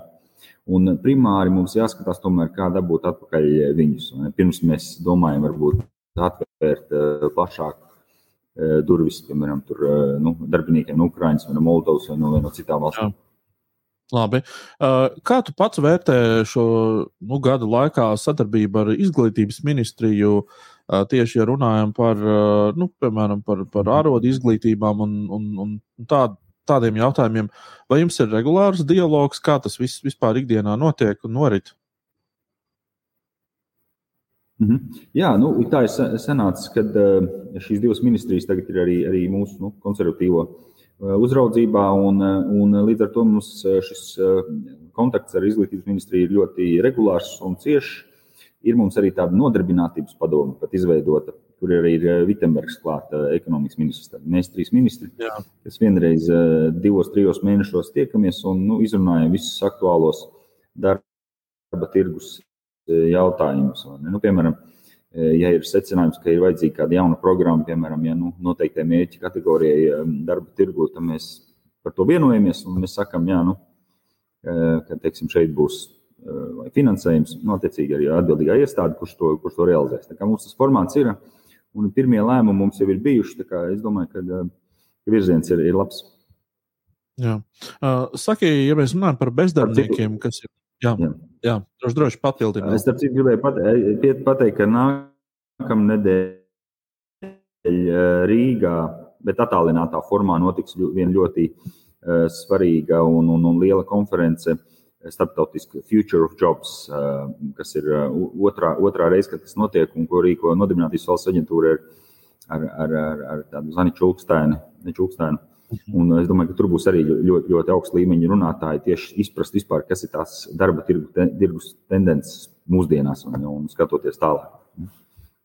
Jā, to es arī visiem skatītājiem, klausītājiem rosinu 3. 3. martā pieslēgties šai konferencei. Tā tiešām būs ļoti vērienīga un es domāju, ar padziļinātām zināšanām. Uh, pilna. Uh, bet, ja mēs runājam vēl par bezdarbniekiem, kas ir faktiski tieši labklājības ministrijas tādā mm, nu, rū, rūpju lokā, uh, kas tad tavā, nu, vismaz tava amata laikā ir pavirzījies uz priekšu tieši saistībā ar bez, bezdarba? bezdarbnieku pārkvalificēšanu vai viņu teiksim, atgriešanu atpakaļ darba tirgu. Kā, kā tu vērtētu, kas ir varbūt tās lietas, kas ir izdarītas, kas ir sekmīgas bijušas? Jā, viens no pirmajiem maniem lēmumiem, kad es stājos amatā, bija e, uztaisīt revīziju e, visām tām nodarbinātības valsts aģentūras programmām, kas ir attiecībā uz e, nu, bezdarbniekiem, piemēram, apmācības programmas, mobilitātes programma, subsidētās nodarbinātības programma, ja, teiksim, kas, kas tieši mērķētas uz šo, uz šo bezdarbnieku kategoriju. Un visas šīs revīzijas vai, vai, vai teiksim, izmaiņas stājās spēkā šā gada 1. janvārī, un tur ir vairākas tādas būtiskas izmaiņas, kas padara tās programmas efektīvākas. Jo, uh, Mums jau nevajag veikt eh, bezdarbnieku apmācību tikai tāpēc, eh, lai būtu apmācības. Mums vajag, lai, lai, lai tas katrs eiro, ko mēs maksājam par tām mm, apmācībām, lai būtu atdevi, ja, lai, lai, lai šiem eh, bezdarbniekiem attiecīgi pēc tam būtu lielāka vērtība darba tirgū, lai viņš vispār kāds, kāds ņemtu darbā. Un vēl viens, vēl viens vektors, ko mēs darām kopā ar Izglītības ministriju, mēs esam ieviesuši mehānismu, kurā tiek uzraudzīta kvalitāte visām šīm nodarbinātības valsts aģentūras programmām, apmācības programmām. Tas ir jauns instruments vairāk kā gadu. Nu, jau, teiksim, ko, ko veids izglītības ministrijas, tā laikam, izglītības satura centrs, valsts izglītības satura centrs. Un, un, un tas arī ir viens tāds instruments, ja, jo nu, mēs zinām, ka agrāk ir, ir bijusi tā situācija, ka daudzas no tām pārkvalifikācijas programmām nu, viņām nu, nav, nav bijusi tāda tā kvalitāte. Starp citu, jau pieminēji to šo konferenci nākamā nedēļa. Kas ir tas, varbūt, ko tu pats sagaidi? Jo es saprotu, arī pats viesosies šajā konferencē, teiks uzrunu. Kas, kas ir tas, ko tu sagaidi nu, no tāda, um, jā, varbūt tāda tīri praktiski? Mm -hmm. Es domāju, ka mums šis Covid, COVID situācija, nu, un, un varbūt arī viss, kas notiek tagad ģeopolitiski ar, ar, ar Krieviju, ar Ukrainu, jebkura krīze ir jāmāk izmantot nu, ar, ar, ar, ar ieguvumu, teiksim tā. Un, un mums varbūt tagad ir, ir, ir, ir iespēja arī attiecībā uz darba tirgu un mūsu ekonomiku varbūt pārlekt kaut kādu vienu vai divus attīstības posmus un ielikt jau tādā, nu, Eh, augstāks, augstāks pievienots, eh, modernāks ekonomikas mm, teiksim, līmenī. Un, eh, arī, arī šī, šī nākamā, nākamās nedēļas konferences, tur ir tiešām ļoti augsta kalibra runātāji, teiksim, tādi globāli prāti, ja, teiksim, kuri, kuri var iezīmēt to, to, tos virzienus, kuros mums ir jāiet. Ja. Bet e, iezīmē tas tikai viens, bet tālāk jau, protams, viss e, lēmumi, attiecīgi naudas piešķīrumi, tā tālāk. Tas ir, teiksim, kas mans ikdienas darbs, un to nu, izkontrolēt, lai tas tiek e, realizēts. Ne, jo tā vienkārši sanākt kopā konferencēs, smuki parunāt, ja, kā, kā saka, wishful thinking, to, tā ir liela māksla. Tā lielā māksla ir to dabūt gatavu, ne, realizēt, ielikt to tajās attiecīgajās programmās, ielikt to attiecīgajos valdības lēmumos, ielikt to attiecīgajos MK noteikumu lēmumos attiecīgi eh, piešķirtam finansējumu, tā tālāk. Tā tālāk. Tā kā... Jā. Saki, Lūdzu, Gati, vai tu kā politiķis redzi un jūti pietiekamu, piemēram, nu, ne atbalstu, bet es drīzāk teiktu palīdzību no, no, no privātā sektora, no akadēmiskā sektora, no šiem sektoriem, kas nāk ar priekšlikumiem kas nāk proaktīvi, piemēram, ar kaut kādām programmām, mhm. vai, piemēram, rāda un stāsta, kā, kā varētu darīt. Jo bieži vien, teiksim, mm. ko es esmu novērojis, ir arī, kad uh, mēs dzīvojam iespējams tādā, tādā ideju deficītā, un nav šīs Jā. idejas no ārpuses. Kā, kā tu jūties? Tad, tad nākt pie tevis kāds un stāsta, kā vajadzētu būt. Es gribētu, ka uh, ir, ir lielāka aktivitāte teiksim, tā, no, arī no privātā sektora. Ja, jo, uh, Nu, tāds viens labais piemērs, kas man nāk prātā, tas ir tikai viens tāds, vai ne? Diemžēl patreiz ir Accenture. Accenture, tad Maksims Jegorovs, teiksim, tas, ko viņš dara attiecīgi ar šīm IT programmētāju apmācībām, īpaši arī teiksim, sievietēm, meitenēm, arī tā, tā sadarbība. Jo te jāsaprot viens, izējot teiksim, šādus, šādus apmācības moduļus īsos. Ja, cilvēks var ļoti īsā laikā ielikt tiešām uzreiz nākamajā gan ienākumu, gan iespēju, iespēju līmenī, kāds nebūtu, ja tu būtu kaut kādās tradicionālajās nozarēs. Jā, teiksim, tu, tu gadiem ilgi varbūt lēnām, lēnām audz, audz pa, tiem, pa tām ienākumu un atbildības kāpnītēm, bet, piemēram, tāds, tas, ko dara Accenture, ja šīs bootcamps vai kā, viņi, nu, teiksim, kā viņas saucās, ja, šis īstermiņa apmācības tiem, kam ir teiksim, tā, disciplīna un motivācija mācīties. Ja viņi ir teiksim, tā, gudri, pietiekoši gudri, lai, lai izmanto to iespēju, Viņi ļoti īsā laikā var ielikt pilnīgi, pilnīgi citā, citā mm, iespēju kategorijā, un, un, un tas ir tas, ko, nu, tas ir tas pareizais virziens. Bet es piekrītu, jā, bū, es esmu gatavs runāt uh, arī ar privātiem, arī ar citām, citu veidu in, in, iniciatīvām. Uh, es, es gaidu, kā saka. Visiem, visiem, kurus interesē uh, sava vieta un, un citu vieta uh, nākotnes darba tirgu, es aicinu pieslēgties uh, 3. martā konferencei The Future of Jobs uh, 2022. Un kā jau sākumā, uh, raidījuma sākumā minēju, tur pieredzes un tendenču stāsti būs šogad dzirdami no Massachusetts Tehnoloģija institūta, no ECD cilvēkiem, ANO uh, un konsultāciju giganta McKinsey. Būs viesi no Luksemburgas, Singapūras, vietējie stāsti un jaunu uzņēmumu risinājumi. Tā kā ļoti piesātināta pieredze bez maksas virtuāli, tāpēc piesakieties. Bet te vēl daži noslēguma vārdi no pārslas Baško. Nākotnes nodarbinātība kā tēma ir būtiska ikvienam sabiedrības loceklim. Darba ņēmēji, darba devēji privātā sektorā, darba devēji valsts sektorā, lēmumu vai likumu izdevēji un ievērotāji visiem šiem cilvēkiem būs jāstrādā gan pašiem nākotnē, gan arī būs jānodrošina darbspējīga un ilgspējīga nākotne tai savai atbildības jomai. Līdz ar to, atbildot uz jautājumu, kam šī konference ir paredzēta, es teikšu tā visiem ar veselo saprātu apveltītiem individiem, kas redz, ka viņiem ir būtiski saglabāt savu konkurētspēju ne tikai šodien, bet arī pēc gada vai pēc diviem. Mēs mūsu sarunas sākumā pieskārāmies tematam par to, kāpēc es nepārtraukti runāju par šo tēmu.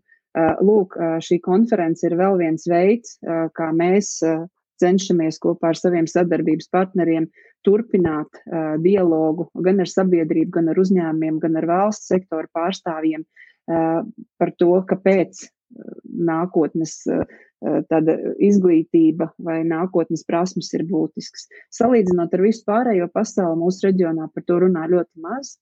Un, manuprāt, šī ir izcila iespēja ikvienam par brīvu, bez papildus samaksas, veltot tikai savu laiku, dzirdēt pionierus, inovatorus šajās tēmās un jomās.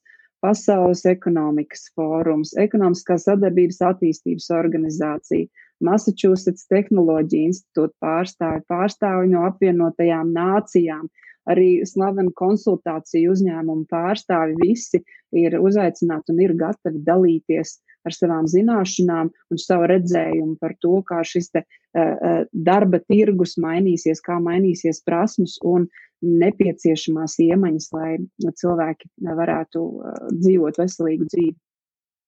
Jā, pie tām mērķa auditorijām, kuras tu minēji, es vēl droši vien pieskaitītu un aicinātu šo konferenci klausīties arī uh, akadēmiskās uh, jomas nu, cilvēkus, tātad tie, kuri faktiski veido šo izglītību, izglītības sistēmu un, un, un, un, un to, kā tiek uh, dizainētas jaunās mācību programmas un vispārējais. Man liekas, tas arī būtu ļoti svētīgi, vai ne? Absolūti. Atceramies, kad akadēmiskie mācību spēki paši neveido mācību programmas, tas notiek sadarbībā. Jā. Protams, ar attiecīgajām ministrijām. Līdz ar to noteikti nu, tādā parastā biznesa situācijā es teiktu, ka viņiem būtu jāklausās šī konference kopā un pēc tam jāapspriež, kas ir tas, ko no tā viņi var paņemt un kas ir tās nepieciešamās izmaiņas, kas ir jāizdara gan īstermiņā, gan ilgtermiņā. Jā, tādu scenāriju arī novēlu. Pārsla, liels tev paldies par veltīto laiku. Paldies tev! Krievijas un Ukrainas faktiski jau notiekušā kara darbība, diemžēl, neko labu nesola ne Latvijas, ne Eiropas, ne pasaules ekonomikām. Pēc Krievijas paziņojumiem par potenciālajām dabasgāzes cenām Eiropai, protams, ka akcijas ir arī reaģējušas. Pēc būtības, sākoties aktīvai kara darbībai Eiropā, uh, uh, ir pilnīgi skaidrs, ka Amerikas Savienotās valstis un Eiropas noteiks vēl ciešākas sankcijas Krievijai. Un, kā jau es minēju, tās būs apusgriezošas. Tas būs kā apusgriezošs zobens, un mēs to noteikti sajutīsim arī nērts dažādu importu preču cenu kāpumā. Inflācija kāps, eksporta apjomi kritīs. Ekonomisti apmēram ir viensprāts par šiem kā galvenajiem ekonomikas pirms plauškarsoņa simptomiem. Um, tas, ka mēs šodien pievēršam uzmanību, ir ekonomikas artērijas. Tie ceļi, kā uz Latviju no ārpasaules tiek piegādāti produkti un preces, un kā to ietekmēs Krievijas un Ukraiņas karš. Mans sarunas biedrs ir Ilgars Ābelītis. Viņš ir uzņēmuma importa eksporta kapitāla vadītājs. Radījumā atskaņosim tikai īsu fragment no šīs sarunas, taču pilnu sarunu jūs noteikti varat atrast dienu pēc Facebook profilā. Tas dzelzceļš bija tāda, kāda, tāda laba alternatīva kaut kam pa vidu starp, starp avio un, un, un jūras pārvadājumu. Gan cenas ziņā, gan piegāžu laika ziņā, bet ir viena nianse Jā, tas dzelzceļa pārvadājums nu, bez Ķīnas un Krievijas tur, tur, tur nekas nenotiek. Jā, vienalga, uz kurien viņš brauc. Vai viņš brauc uz Varšavu, vai viņš brauc uz, uz, uz Rietumu Eiropu vairāk. Jā, nu, tur, tur, tur kā ir tā ir. Un būtībā, kas tagad eh, notiek pasaulē, vai teiksim, te, te mūsu platuma grādos, jā, ir eh, šis dzelzceļš vairs nav. Būtībā tu nevari paļauties kā kravas īpašnieks, ka tavu preci atbrauc. Ja? Bija tie kanāli, kas bija, teiksim, bija daļa arī bija caur Ukrajinu. Jā, Ukraina ir slēgta. Alternatīva tam ir Baltkrievija. Vai Baltkrievija šobrīd ir uzticams partneris? Nav. Jā, nav. Jā. Jā. Tātad, principā, dzelzceļš ar šo, šo, šo dienu faktiski ir apstājies, nu, ja mēs runājam par kravām. Jā, un ir vēl viena būtiska tāda, tāda nianse, kad eh, teiksim, šo militāro spēku pārvietošana jā, tajās teritorijās tas ir lielākoties balstīts tieši uz, uz, uz dzelzceļa infrastruktūras. Jā, gan, viņa, viņiem dzelzceļš tiek aizņemts ar citām rūpēm šobrīd. Gan platformas, jā, gan, gan, gan sliežu ceļi, un tad tu tur nu, nu, meklē tur tās alternatīvas. Tā, tā. Kas ar autotransportu notiek? Auto, autotransporta pārvadājumiem. Autotransportu šobrīd, kā mēs to redzam, autotransportu tā, tā, tā sāpe ir tas milzīgais uh, degvielas cenu lēciens. Ja, ja mēs skatāmies no, no, no pagājušā gada septembra uz, uz šodienu, nu, tad ir 20-30% klāt. Un tā problēma ir tā, ka uh, patērētājs, jeb krāva īpašnieks, viņš šobrīd kā, nu, nav gatavs to nokompensēt. Ja? Tad notiek tāda rīvēšanās. Uh, tas ir viens no tādiem būtiskākiem faktoriem. Otrs ir tā mobilitātes pakotne, kas tagad ar 2. februāru ir aktuāla. Tas arī ieviesīs izmaiņas, bet tas nav saistīts ar šo ģeopolitisko situāciju. Tas ir, tas ir vienkārši, paldies Dievam, ka tas tā ir. Tas ceru, ka ieviesīs izmaiņas uz labu. Ja? Tas, kas notiek, redzēju, Kariņš, es, es klausījos Kariņa kunga interviju kur viņš teica, ka Krievija jau nekāda tāda sadarbība nav, tie ir tikai 8-9%. Ja? Nu, būtībā nu, tas ir daudz. Ja? Un, un, un tas, ko mēs bijām pieraduši, ka tā Eiropa, Eiropa tās kravas, tā kravu plūsma uz Krieviju pa to sauzem bija. Un to, ko es redzu tagad, ņemot vērā, ka Eiropas Savienība, Amerika jā, runā par sankcijām. Tās sankcijas nav klasificētas īsti. Ir kaut kas, kas būs tāds baigas un, un, un, un, jā, un, un, un, un, un tad, tad rodas tā piesardzība arī no, no eksportētāja puses Rietumē Eiropā. Ja viņu kādas tās sankcijas būs. Vai viņi būs kādai preču grupai, vai viņi būs kādai konkrētai kompānijai, cilvēkiem, finansu sektoram, ja? kas tieši notiks kāds būs rublis gal galā. Ja? Cit, cit, cit, kāda viņam būs vērtība? Un, uh, un, un, un, un, un šis, šī plūsma samazinās. Un ko tas, ko tas maina? Tas maina to, ka atpakaļ tās mašīnas, kas atgriezās priekš latviešu, viņas bieži vien paņēma kravu no Latvijas eksportētāju uz Rietumu Eiropu. Šobrīd tas vairāk, ļoti, procentuāli ļoti samazinājies. Ir. Jā. Jā, un, tad, un tad mēs redzam šos uh, frakta kāpumu eksportā. Jā. Uz Krieviju neviens braukt negrib, ir milzīgs uh, bez riskiem, kas varētu būt sankciju ietvaros, ir rindas uz robežām. Jā, nu neviens jā. cilvēks negrib uh, nedēļu sēdēt mašīnā. Nu, Jā, jā. Nu, tāda ir tā. Tāda Kā, ir tā. Kādas tad mums tagad ir alternatīvas? Mums ir dzelzceļš, ir kā ir, autotransports. Tad, es pieļauju, iet tikai nu, rietumē Eiropas virzienā, nu, faktiski Eiropas virzienā. Uh, kas mums ir tātad uh, ar, ar, ar, ar, ar vispārējo ar avionu, ar, ar to pašu jūru? Nu, redziet, tas avio un jūra jau nāk roku rokā.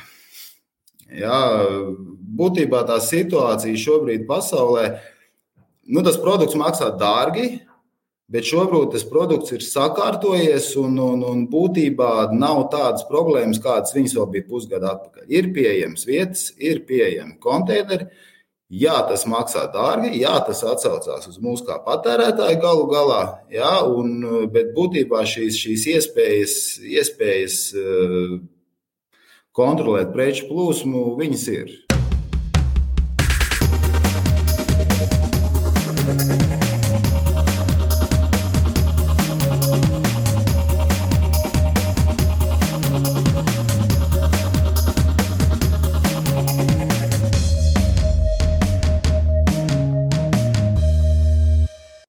Esiet sveicināti, skatītāji, un uh, jūsu uzmanībai mūsu iknedēļas tops ar aktuālākiem notikumiem ekonomikā. Top numur viens - bažas par karu Ukrainā turpina ietekmēt globālos akciju tirgus un varam prognozēt tā ietekmi arī uz ekonomiku. Nesenie ģeopolitiskie notikumi ir radījuši nenoteiktības sajūtu finanšu tirgos un palielinājuši nepastāvību ASV valdības obligāciju tirgū. Deutsche Bank stratēģi gan apgalvo, ka akciju izpārdošana šāda veida krīžu laikā ir īslaicīga. Mediāna svārstās ap 5,7%, tad šoreiz visticamāk svārstības būs daudz ilgstošākas un uh, lielākas. Tendence liecina arī par investoru atgriešanos pie drošā patvēruma aktīviem. Zelta futūri pēdējo dienu laikā sasnieguši 8 mēnešu augstāko līmeni - 1900 dolārus par unci.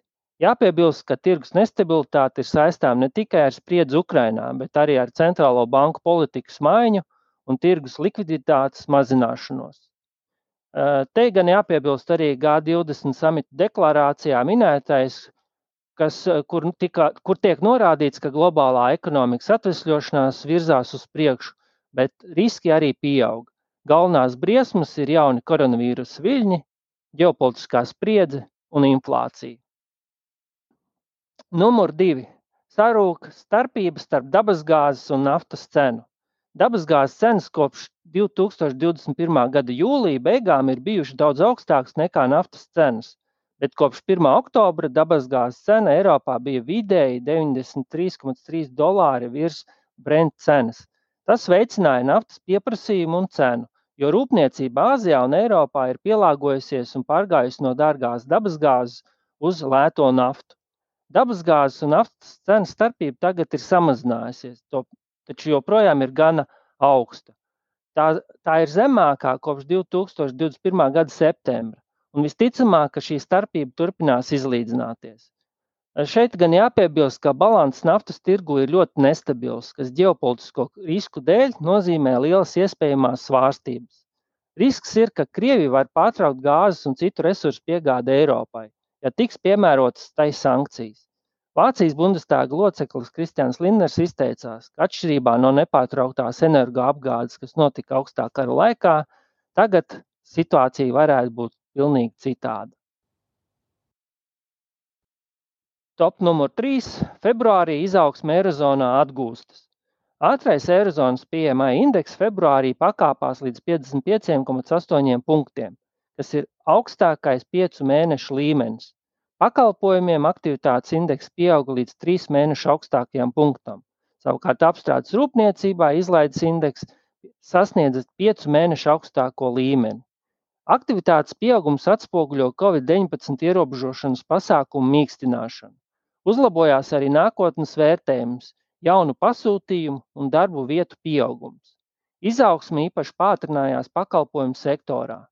Ražotāji ziņoja par ražošanas pieaugumu, ko izraisīja pieprasījuma pieaugums un piegādes uzlabošanās. Tomēr negatīvais aspekts ir izmaksu spiediens, ko raisa algu un enerģijas rēķinu kāpums. Numur 4. Inflācija. Ekonomists Olivier Blanšārds pašreizējo 3% inflācijas līmeni dēvē par kaitinošu, bet ne dramatisku. Viņš norāda, ka ECB stratēģija šķiet pareiza, izņemot, ja Krievija iebruks Ukrainā. Tādā gadījumā enerģijas cenu kāpums nopietni sarežģīs tās darbu. ECB galvenais ekonomists Filips Lēns uzskata, ka Eirozonā inflācija tuvāko divu gadu laikā nesamazināsies zem 2% mērķa. Lēna komentāri iezīmē izmaiņas salīdzinot ar pirms trim nedēļām pausto, kad viņš teica, ka inflācija visticamāk noslīdēs zem ECB 2% mērķa. Vairāk faktori norāda, ka pārmērīgi zemā inflācijas vide, kas valdīja no 2014. līdz 2019. gadam, var neatkārtoties pat pēc pandēmijas cikla beigām. Noturīga zemā inflācija varētu būt pagātne, bet tas nenozīmē, ka ECB vajadzētu steidzami reaģēt uz īstermiņa pieaugumu. Satraukums ir, ka ECB pārāk ātri uzsāks paaugstināt procentu likmes, lai ierobežotu inflāciju un tādējādi ietekmējot ekonomikas atgūšanos. Un numur 5. Elektroautorāta tirgus pasaulē strauji attīstās, bet nevienmērīgi. Saskaņā ar Startautiskās enerģētikas aģentūras datiem 2021. gadā visā pasaulē tika pārdoti 6,6 miljoni elektromobīļu, kas ir gandrīz 9% no pasaules automašīnu tirgus un divreiz vairāk nekā 2020. gadā. Eiropā pārdošanas apjomi pieaug par 70%, no kuriem pusi veido plug-in hibrīdi. 21. gadā Eiropā elektroautorāta veidoja 17% no kopējā automašīnu pārdošanas apjoma. Globāli skatoties, Eiropā tika pārdoti 35% no globālā apjoma. Savukārt lielākais, veseli 51%, elektroautorāta tika pārdots Ķīnas tirgū. Un šķiet, ka Ķīna ir nākotnes elektroautorāta tirgus, kam seko Eiropa. Savukārt, kā attīstīsies tirgus pārējā pasaulē, tomēr ir liels jautājums.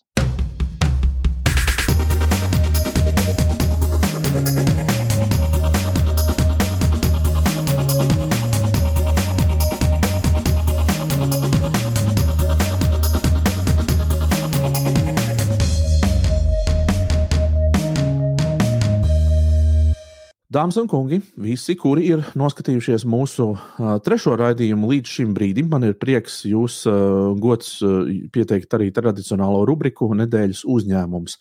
Saftehnika ir biržā kotēts uzņēmums, viens no Latvijas eksporta veiksmes stāstiem. Un, tas ražo augstākās klases mikroviņu radio iekārtas, tā skaitā mobilo un fiksēto tīklu operatoru un internetu pakalpojumu sniedzēju aparatūru. Uh, Taču pandēmijā ļoti lielu popularitāti ieguva arī uz sensoriem darbināmais gaisa kvalitātes mērītājs Aranet 4. Tāda maza kastīte ar ekrānu, kas rāda, um, rāda cik šajā telpā šobrīd uh, ir labs vai slikts gaiss. Um, šo te um, mazo ierīci ir pamanījuši daudzi, daudzi arī starptautiskie mēdīji. Uh, Jāsaka, godīgi, ka, um, protams, arī um, pandēmija tur ir mazliet pielikusi savu roku, par to Normons noteikti izstāstīs. Um, Covid-19 krīze, kā izrādās, uh, uzņēmumu darbības rādītājs ir tikai sekmējusi, nevis slīcinājusi. Ja? Nu, tātad par šo un arī citām pieredzēm mēs runāsim ar uh, SAP tehnikas valdes priekšsēdētāju Normundu Bergu par spīti visiem covidiem un visu, kas mums ir bijis pēdējo divu gadu laikā, SAF tehnika ir uzrādījusi ļoti labus rezultātus. Uh, es, es, es tos saucu par ļoti labiem. Nezinu, kā tu tos nosauksi, bet, uh, bet uh, eksports ir gājis uz urā. Jaunais produkts ir Aranets ir attīstījies, un, un man pašam te uz galda stāv. Es, visu laiku iemet acis. Mēs varam viens otram uh, redzēt. Man ir, man ir, lab, man ir viss labi ar, ar vērtināšanu. Man ir uh, 990. Vēr logu vaļā. Tev, man ir, tev man te gaismas, gaismas ir, jā. gaismas, gaismas, gaismas, gaismas nē, CO2 nost. Tad es sāpoju. Ja, ja nu vienīgi tev nav sveču gaismas, bet es pieļauju, ka nē. Nav. bet, bet kā, tu skaidro, kā tu skaidro labos, labo, labos rezultātus?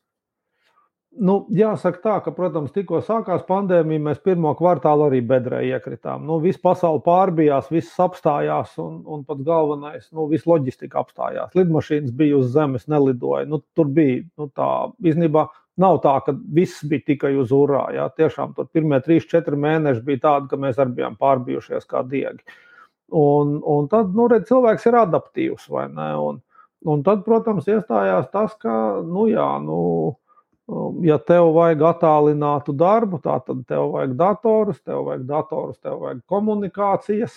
Tavu, tavam internetam ir jābūt labākam, tur ar mazākām latencēm un ar lielāku datu pārraides ātrumu un tā tālāk. Nu, tas, ir, tas mums palīdzēja. Nu, mums atkal sakustējās tā mūsu radio biznesa daļa. Ja mēs atgādinām, mēs ražojam profesionālos mikroviļņu radio, ja, ko operatori lieto.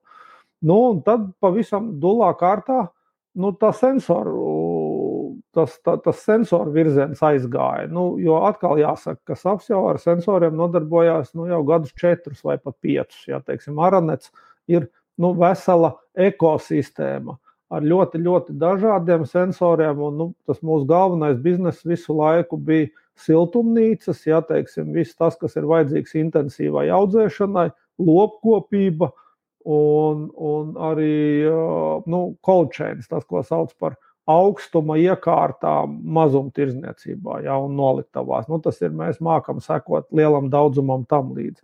Un tad pēkšņi izrādījās nu, tādā jocīgā kārtā, ka nu, Pasaules veselības organizācija fundamentāli kļūdījās, ja, nosakot Covid izplatības ceļus. Ja, ja mēs atceramies, mēs tam rokas mazgājām un tur ar, ar spirtu visu kaut ko tur pūta. Vēl joprojām pūšam no tā. Nu, tas slikti ieradumi pazūd.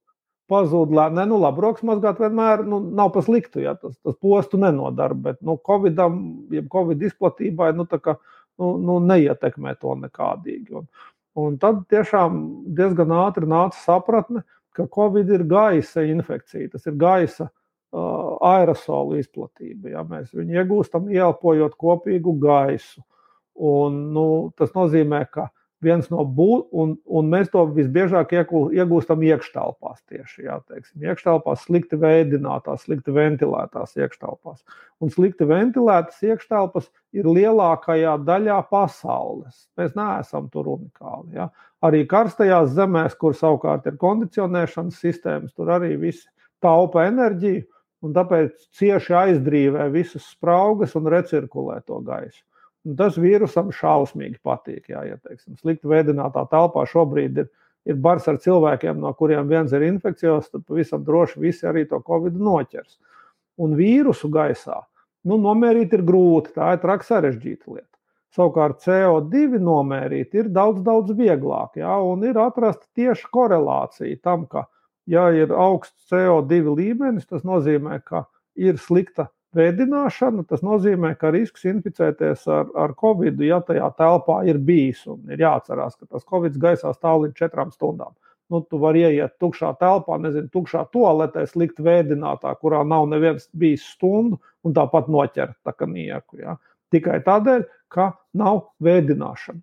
Nu, un, un, nu, to pasaule uh, saprot arvien labāk, un pēkšņi izrādījās, nu, ka tas mūsu produkts, kuru mēs mēs taisījām. Nu, kopumā jau arī no visādiem citiem viedokļiem atrast, cilvēkam atrasties svaigā gaisā ir ārkārtīgi veselīgi. Tavai psihē.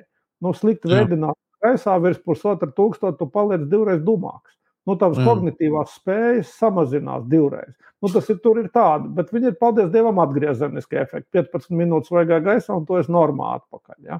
Un mm. tas tā kā īsti nelidoja, bet tas Covid ir tāda lieta, jā, ka arvien vairāk publiskās pārvaldes iestāžu nu, uzliek prasības. Nu, ja tu gribi krodziņā, ja tev vajag pilnu piepildījumu, tad tev ir jādemonstrē uh, taviem apmeklētājiem, ka ar tavu gaisa kvalitāti viss ir kārtībā. Tas nozīmē, ka tu esi epidemioloģiski drošs.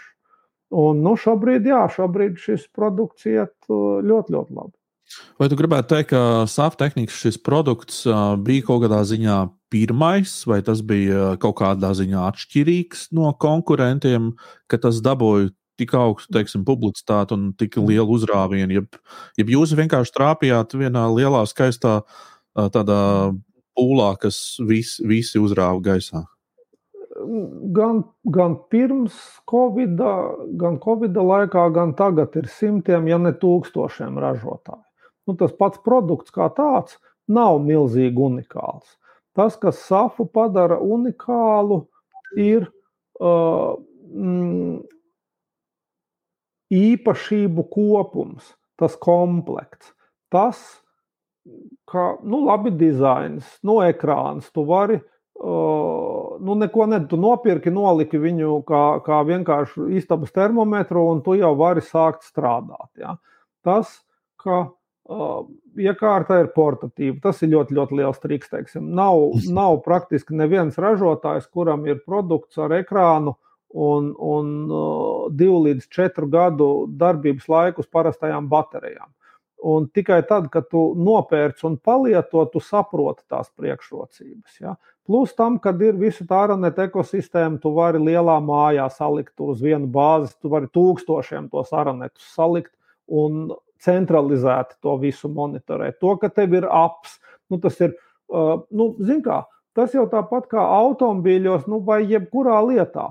Uh, nu, tā, tā prasība, saprotiet, tev arī var būt, nezinu, valstī labākais buļciņu cepējs, un tev ir simt miljoniem buļciņu cepēju, bet uh, nu, kaut kā no viena pērk visi vairāk. Nu, tādēļ, ka viņ, nu, viņam viņas ir visgaršīgākās, vislabākās, Jā. nu, visvēl kaut kādas. Un šeit ir tas pats stāsts, ja mēs nu, nepretendējam, ka mēs esam uztaisījuši kaut ko unikālu un mēģinām radīt nu, kaut kādu pilnīgi jaunu nišu mums, mēs vienkārši ļoti, ļoti esam piestrādājuši pie tā, lai tas, ir, lai tas produkts ir vienkāršs, intuitīvs, lietotājam patīkams un nelūstu. Ja? Jā. Nu, mēs diezgan līdzīgā veidā arī ar tādu pašu filozofiju tajā mikroviļņu rādio strādājam. Nu, saprot, mēs esam 30 gadus konkurējuši ar Ericsonu, ar Nokia, ar Siemens, ar Alcatelu. Tu vari nosaukt visus tos lielos vārdus, no kuriem pusi ir nosprāguši vai kaut kādā veidā pārdzimuši, pārpirkušies vai vēl kaut kā. Un mēs uz radio ražojam. Ja? Nu, tas nozīmē, ka ir, un nu, mēs sakām, ka mēs tos radio ražojam pirmkārt cilvēkiem, kam ir divas rokas. Un tur ir milzīga filozofija. Iedomājieties, ja tev ir simtmetrīgā tornī, vējā, sliktos apstākļos jāuzkāpj un viņš jāpieskrūvē vai, vai jāservisē. Ja? Katra skrūvīte, katras skrūvītes atrašanās vietas un visam tam nu, ir jābūt tādam, kad inženieris točna zina, kā jūtas tas cilvēks tur augšā tornī. Un es gribu apgalvot, ka lielākā daļa inženieru, kura nekāpja paši tai tornī, to nezina. Ja? Viņi tā, būvē produktus priekš uh, torņos kāpējiem ar trīs rokām. Nu, lai to ar vienu var turēties, un ar divām vēl, vēl skrūvēt. Ja? Un, un, ja tu neuzbūvē visu to filozofiju, ka tam inženierim pašam ik pa brīdim ir ar to savu radījumu jāuzkāp tajā tornī un jānodemonstrē, nu, tagad izdari lūdzu šo vienu, otru vai trešu lietu, tas labs produkts nesanāk. Nu, tu neesi jūtis prātā, teiksim, es nezinu, kur ir cilvēki, kas tās distances vadības pultis tur lielākajai daļai televizoru un vēl kaut kam izstrādā. Ja? Nu, vai tur automašīnas radioaparāti, kuru tur bez šī tik resnas instrukcijas. Tu, es, piemēram, vakardien juku prātā, es nevaru nogriezt lampaču, kas tur savā automobīlī radioaparātam. Viņš žilbina acis naktī. Jā, jā, jā. Nevar atrast, ar ko to izdarīt. Un tagad būs jāmeklē pa plauktiem, kur es to vēlnu instrukcijas nometis. Ja? Nu, tā, ir, tā ir tā lieta, ka, un, nu, un es nerunāju par mobilajām aplikācijām. Ja? Tas pats ir arī tad, kad tu atver to mobilo telefonu. Un, jo redz, cilvēkam nepatīk mācīties. Nu, īstenībā tāda, tāda paradigma, kas ir jāsaprot, cilvēkam nepatīk mācīties neko jaunu. Viņam patīk tajās ierastajās sliedēs iet. Viņam patīk, tā ir vieglāk. Tā lieta, ko tu lieto, ir ļoti intuitīva. Ja? Un atkal visa tā sāfa filozofija ir um, īpaši nu, tajā sensoru pasaulē būvēt visu tā, lai tu vari izdarīt nelasot instrukciju. Ja? Nu, protams, arī šim ir robežas. Ja? Nu, mm. Tu nevari pilnīgi nu, no kaut kādas apmācības aizbēgt. Bet tas Jā. ir tas ļoti svarīgais aspekts, un tas ir tas, ko klienti novērtē. Nu, kādēļ teiksim, vienas lietas tiek lietotas un pērk atkal, teiksim, mums ir ļoti, ļoti augsts klientu uzticamības indeks. Ja, mums nu, ir ļoti tāds, ja to es kļūstu par mūsu klientu, tad nu, nu, mums ir jānodara milzīgs posts vai jābūt kaut kādam milzīgam argumentam. Lojalitāte ir augsta. Jā. Jā. Tā tad Mm. Jā. Bet, uh, un, un kā... Tas ir tas pats arī darbiniekos. Man ir milzīgs prieks un lepnums par savu darbiniekiem kopumā. Savu darbinieku arī ir, ir ļoti lojāli uzņēmumi. Viņi tur jūtās droši, noteikti. Un Bet, darbs uh, ir interesants. Nu, jā. inženieriem pirmā lieta ir, jā, un tā ir taisnība. Droši mēs nevienā krīzē nu, nekad neesam nezinu, aizkavējuši algas cilvēkiem vai neesam izpildījuši solīto. Ja? Nu, ir visādi gājis augšā, lejā, ir bijuši grūti laiki un ko, bet vienmēr tas notiek dialogā ar darbiniekiem. Un, jā, tā ir un, un to novērtē. Bet kā, kā jūs pārdzīvojāt to? Kas visā pasaulē, visu pasauli tas skāra, šie mikročipi ražošanas, tur apstājās, jaudas samazinājās, loģistikas ķēdes pārtrūka. Tagad pat nesen vēl bija publikācija. Um, Amerikas Savienotās valsts valdība pat iesaistījās, sakot, ka mums, ja saskaita visas ražotnes kopā Amerikā, ir krājumi, mikročipu krājumi tikai vienam mēnesim. Kas pēc būtības nozīmē jau ļoti, ļoti tuvu krīzei faktiski. Kā jūs tiekat galā ar šo? Šo, ka nu, tā, ka visi mm. grib, visi, ir ļoti liels pieprasījums pēc tā visur pasaulē. Bet kā jūs izsitat savu, kā saka? Jā. Jā, tu nepareizi laika formas lieto. Tas nav pagātnē. Tā krīze ir. Tā ir šobrīd, nē, es, es par šo, šodien runāju. Jā, tā ir šodien. Un, Un tur mēs atkal varam pārslēgt, tur kloķis, viss ir slikti. Nu, viss ir dimbāritīgā. Un ir daudz Latvijas uzņēmumu, kuriem pasūtījumu ir nenormāli daudz, bet tai pašā laikā jālaiž vaļā cilvēki, jālaiž dīkstāvēs, nu, jo nav komponents, no, no kā to ražot. Šobrīd reāli ražošanas plānošana tev ir jātaisa 12 līdz 18 mēnešus uz priekšu. Ja? Gadu līdz pusotru gadu. Šobrīd SAFs slēdz līgumus, cietus līgumus pa miljoniem par komponentu piegādēm uz 2023. gada vidu. Ja? 2023. gada vidu. Šobrīd mēs ražojam to, ko mēs pasūtījām pagājušā gada rudenī komponentus. Nu, tas ir Un, un, protams, tam pa vidu tur norauti termiņi, tiek tur vēl tur kaut kas. Nu, tas, tas viss ir tādā šausmīgi deficīta apstākļos. Un, nu, tas nav tā, ka tur ir, ir apstājusies kādam ražošana. Visas rūpnīcas, kas ir, ražo pilnā sparā, bet, nu, un, protams, ir tur kaut kādas piegāžu ķēžu raustīšanās, bet tās nav tik būtiskas. Problēma nav tajās piegāžu ķēdēs. Problēma ir tajā, ka nu, pēdējos ap 20 gadiem nu, visa tā ražošanas barības ķēde ir bijusi ļoti precīzi nolīdzsvarota. Nu, tas ir piedāvājums ar pieprasījumu ir bijis nu, tādā ļoti, ļoti trauslā līdzsvarā. Nav nekādas rezerves tajā piegādes pusē. Un, nu, sērga un, un pieprasījums pēc elektronikas un IT ir viena lieta, kas uzrāva augšā to pieprasījumu. Un, protams, otra lieta ir tie nu, daudz pieminētie elektriskie automobīļi. Ja? Nu, elektroautomobīlī ir šausmīgi daudz uh, elektroniskās komponentes. Nu, viņš ir dators, pie, piebāzts ar datoriem. Ja? Un tā, un tā ir niša, kur līdz tam neeksistēja vispār. Ja? Un tagad mm. tev pēkšņi daudzos miljonos visi lielie ražotāji ir metušies iekšā ar milzīgu svaru, ar milzīgu pirkšanas potenciālu. Un tas ir viņi pārtrumpo, viņi tos vēsturiskos noņēmējus pārsit, viņi ir gatavi maksāt augstākas cenas un vēl kaut kā. Un tajā ražošanas pusē nu, to nespēja pieražot viens, un otrs, teiksim, šobrīd, ja iet runa par pusi, nu atkal nedrīkst vienkāršot, jo tajā pusvadītāja barības ķēdē būtiskākais ir tie silīcija, tās sagatavas veiferi saucamie, no kurām tā ir Un, un vistehnoloģiskākās, ja tieši 40 nanometri šobrīd, ir veselas trīs rūpnīcas pasaulē. Ir trīs uzņēmumi pasaulē, kas to dara. Un uz pieciem nanometriem šobrīd izskatās, ka būs divi spēlētāji tikai. Nu, tas ir atkal tas, ir tas pats stāsts, kas mācīties fiziku. Pasaule kļūst, nu, kā to teikt, tās tehnoloģiskās prasības paliek ar vien augstākas izglītības līmenis lielā mērā netiek līdzi, un tev nav to speciālistu, kur spētu to darīt. Ja?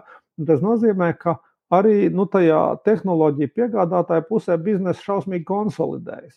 Nu, un rezultātā tu paliec ārkārtīgi atkarīgs no viena piegādātāja vai sīkām problēmām viņā. Ja? Nu, teiksim, tas pats Taivānas semikonduktori, ja pirmkārt ir Taivāna, nu, šķiet, ka lielākais pasaulē šobrīd. Ja? Uh, nu, viņiem ir jāsaka, visu laiku ļoti lieli politiski izaicinājumi un viss tas, tas spēles ar Ķīnu. Un vēl pagājušā vasarā Taivānā bija milzīgs sausums. Savukārt tur ir ūdenskrātuves, kas dzēsē šo, šīs rūpnīcas, ja, nu, jo, jo viss tas process ir. Nu, saprot, es tev varētu stāstīt stundām jā, jā, jā. Par, par tām saknēm. Ja. Es Bet saprotu, rezultātā jau ir kā redzi, uh, nu, visu to pusvadītāju nākamā barības ķēde, ja, nu, viņi barojās no tām sagatavēm. Un tur jau ir simtiem uzņēmumu. Un tad atkal tas ir cīniņš par to, nu, kurš tad pirmais, kurš ātrāk tiks nu, pie saviem izējuma materiāliem. Ja? Nu, līdz ar to pateikt, nu, pasakiet, lūdzu, kurš, kur ir tas īstais deficīts, nu, ir ārkārtīgi grūti. Ja?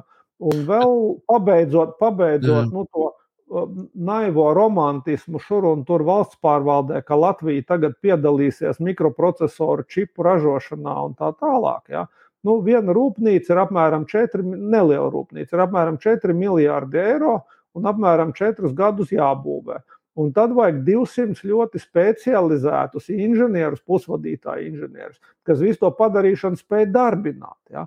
Un, un, ja varbūt to naudu vēl var kaut kā sakasīt, nu, tad Latvijas, Latvijā nav neviena, kas kaut ko no tā jēgtu. Nu, tā kā neviena, neviena. Ja? Nu, nu, tas, nu, kopumā Eiropā ir trīs vietas. Ir pie Vācijiem, ir, ir Holandē un ir Francijā Grenoblē mazliet, ja, kur ar tiem pusvadītājiem kaut ko dara.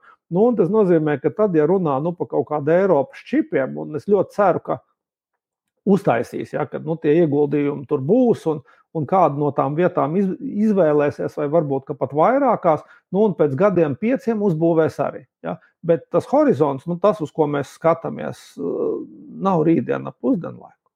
Nu, un tā arī tur viss mokās. Nu, tur nezinu. Brauc ciemos, pārliecina, raud, draud, ņaud, visu kaut ko, nu, iet pie spekulantiem. Ja, teiksim, šobrīd pavisam normāli ir, ka kaut kādam konkrētam čipam cena desmit reizes, simts reizes uz, uzskrien augšā, simts reizes. Ja. Nu, ir, ir Wild West tur sācies. Un tev ir jāsaprot, ja tev ir iekārta, kurā ir 3000 komponentes, ja, tev pietiek, lai tev nav vienas, lai tev viss rūpīgs. Bet, uh, jā, jā. Nu, tā kā prieka, tu... prieka un kovboisma šobrīd ir daudz, dzīve nav garlaicīga. Jā. Bet vai tev nešķiet, ka mēs tad, tad nonāksim tādā situācijā, kur jau daļēji faktiski ir nonākusi autobūve, uh, kur um, nu, pēc būtības, ja es tagad ieietu autosalonā un pasūtītu jaunu automašīnu, man pateikt pilnīgi droši, ka tā piegāde būs pēc 8, 10 vai 12 mēnešiem. Vai tev nešķiet, ka kaut kādā līdzīgā ziņā mēs vispār nu, droši vien pirksim lietas šādas ar, ar tādu nu, ilgāku piegādes termiņu? Nu, bet tas tieši tā arī notiek. Un tas pēdējais gads ir parādījis, nu, redz, kādreiz ja tu skaļāk klaigāji, vai taptājies ar kājām, vai tur kundziski uzvedies, vai vicinājies ar naudas zīmēm, nu, tu varēji, vai draudēji, ka tu ies pie konkurenta un nekad mūžā atpakaļ nenāks. Nu, tad tev bija cerība nu, kaut kā piespiest vai motivēt to piegādātāju, uh, nu, kaut kā nu, parosīties, lai ātrāk tas notiek. Ja? Šobrīd tas nestrādā.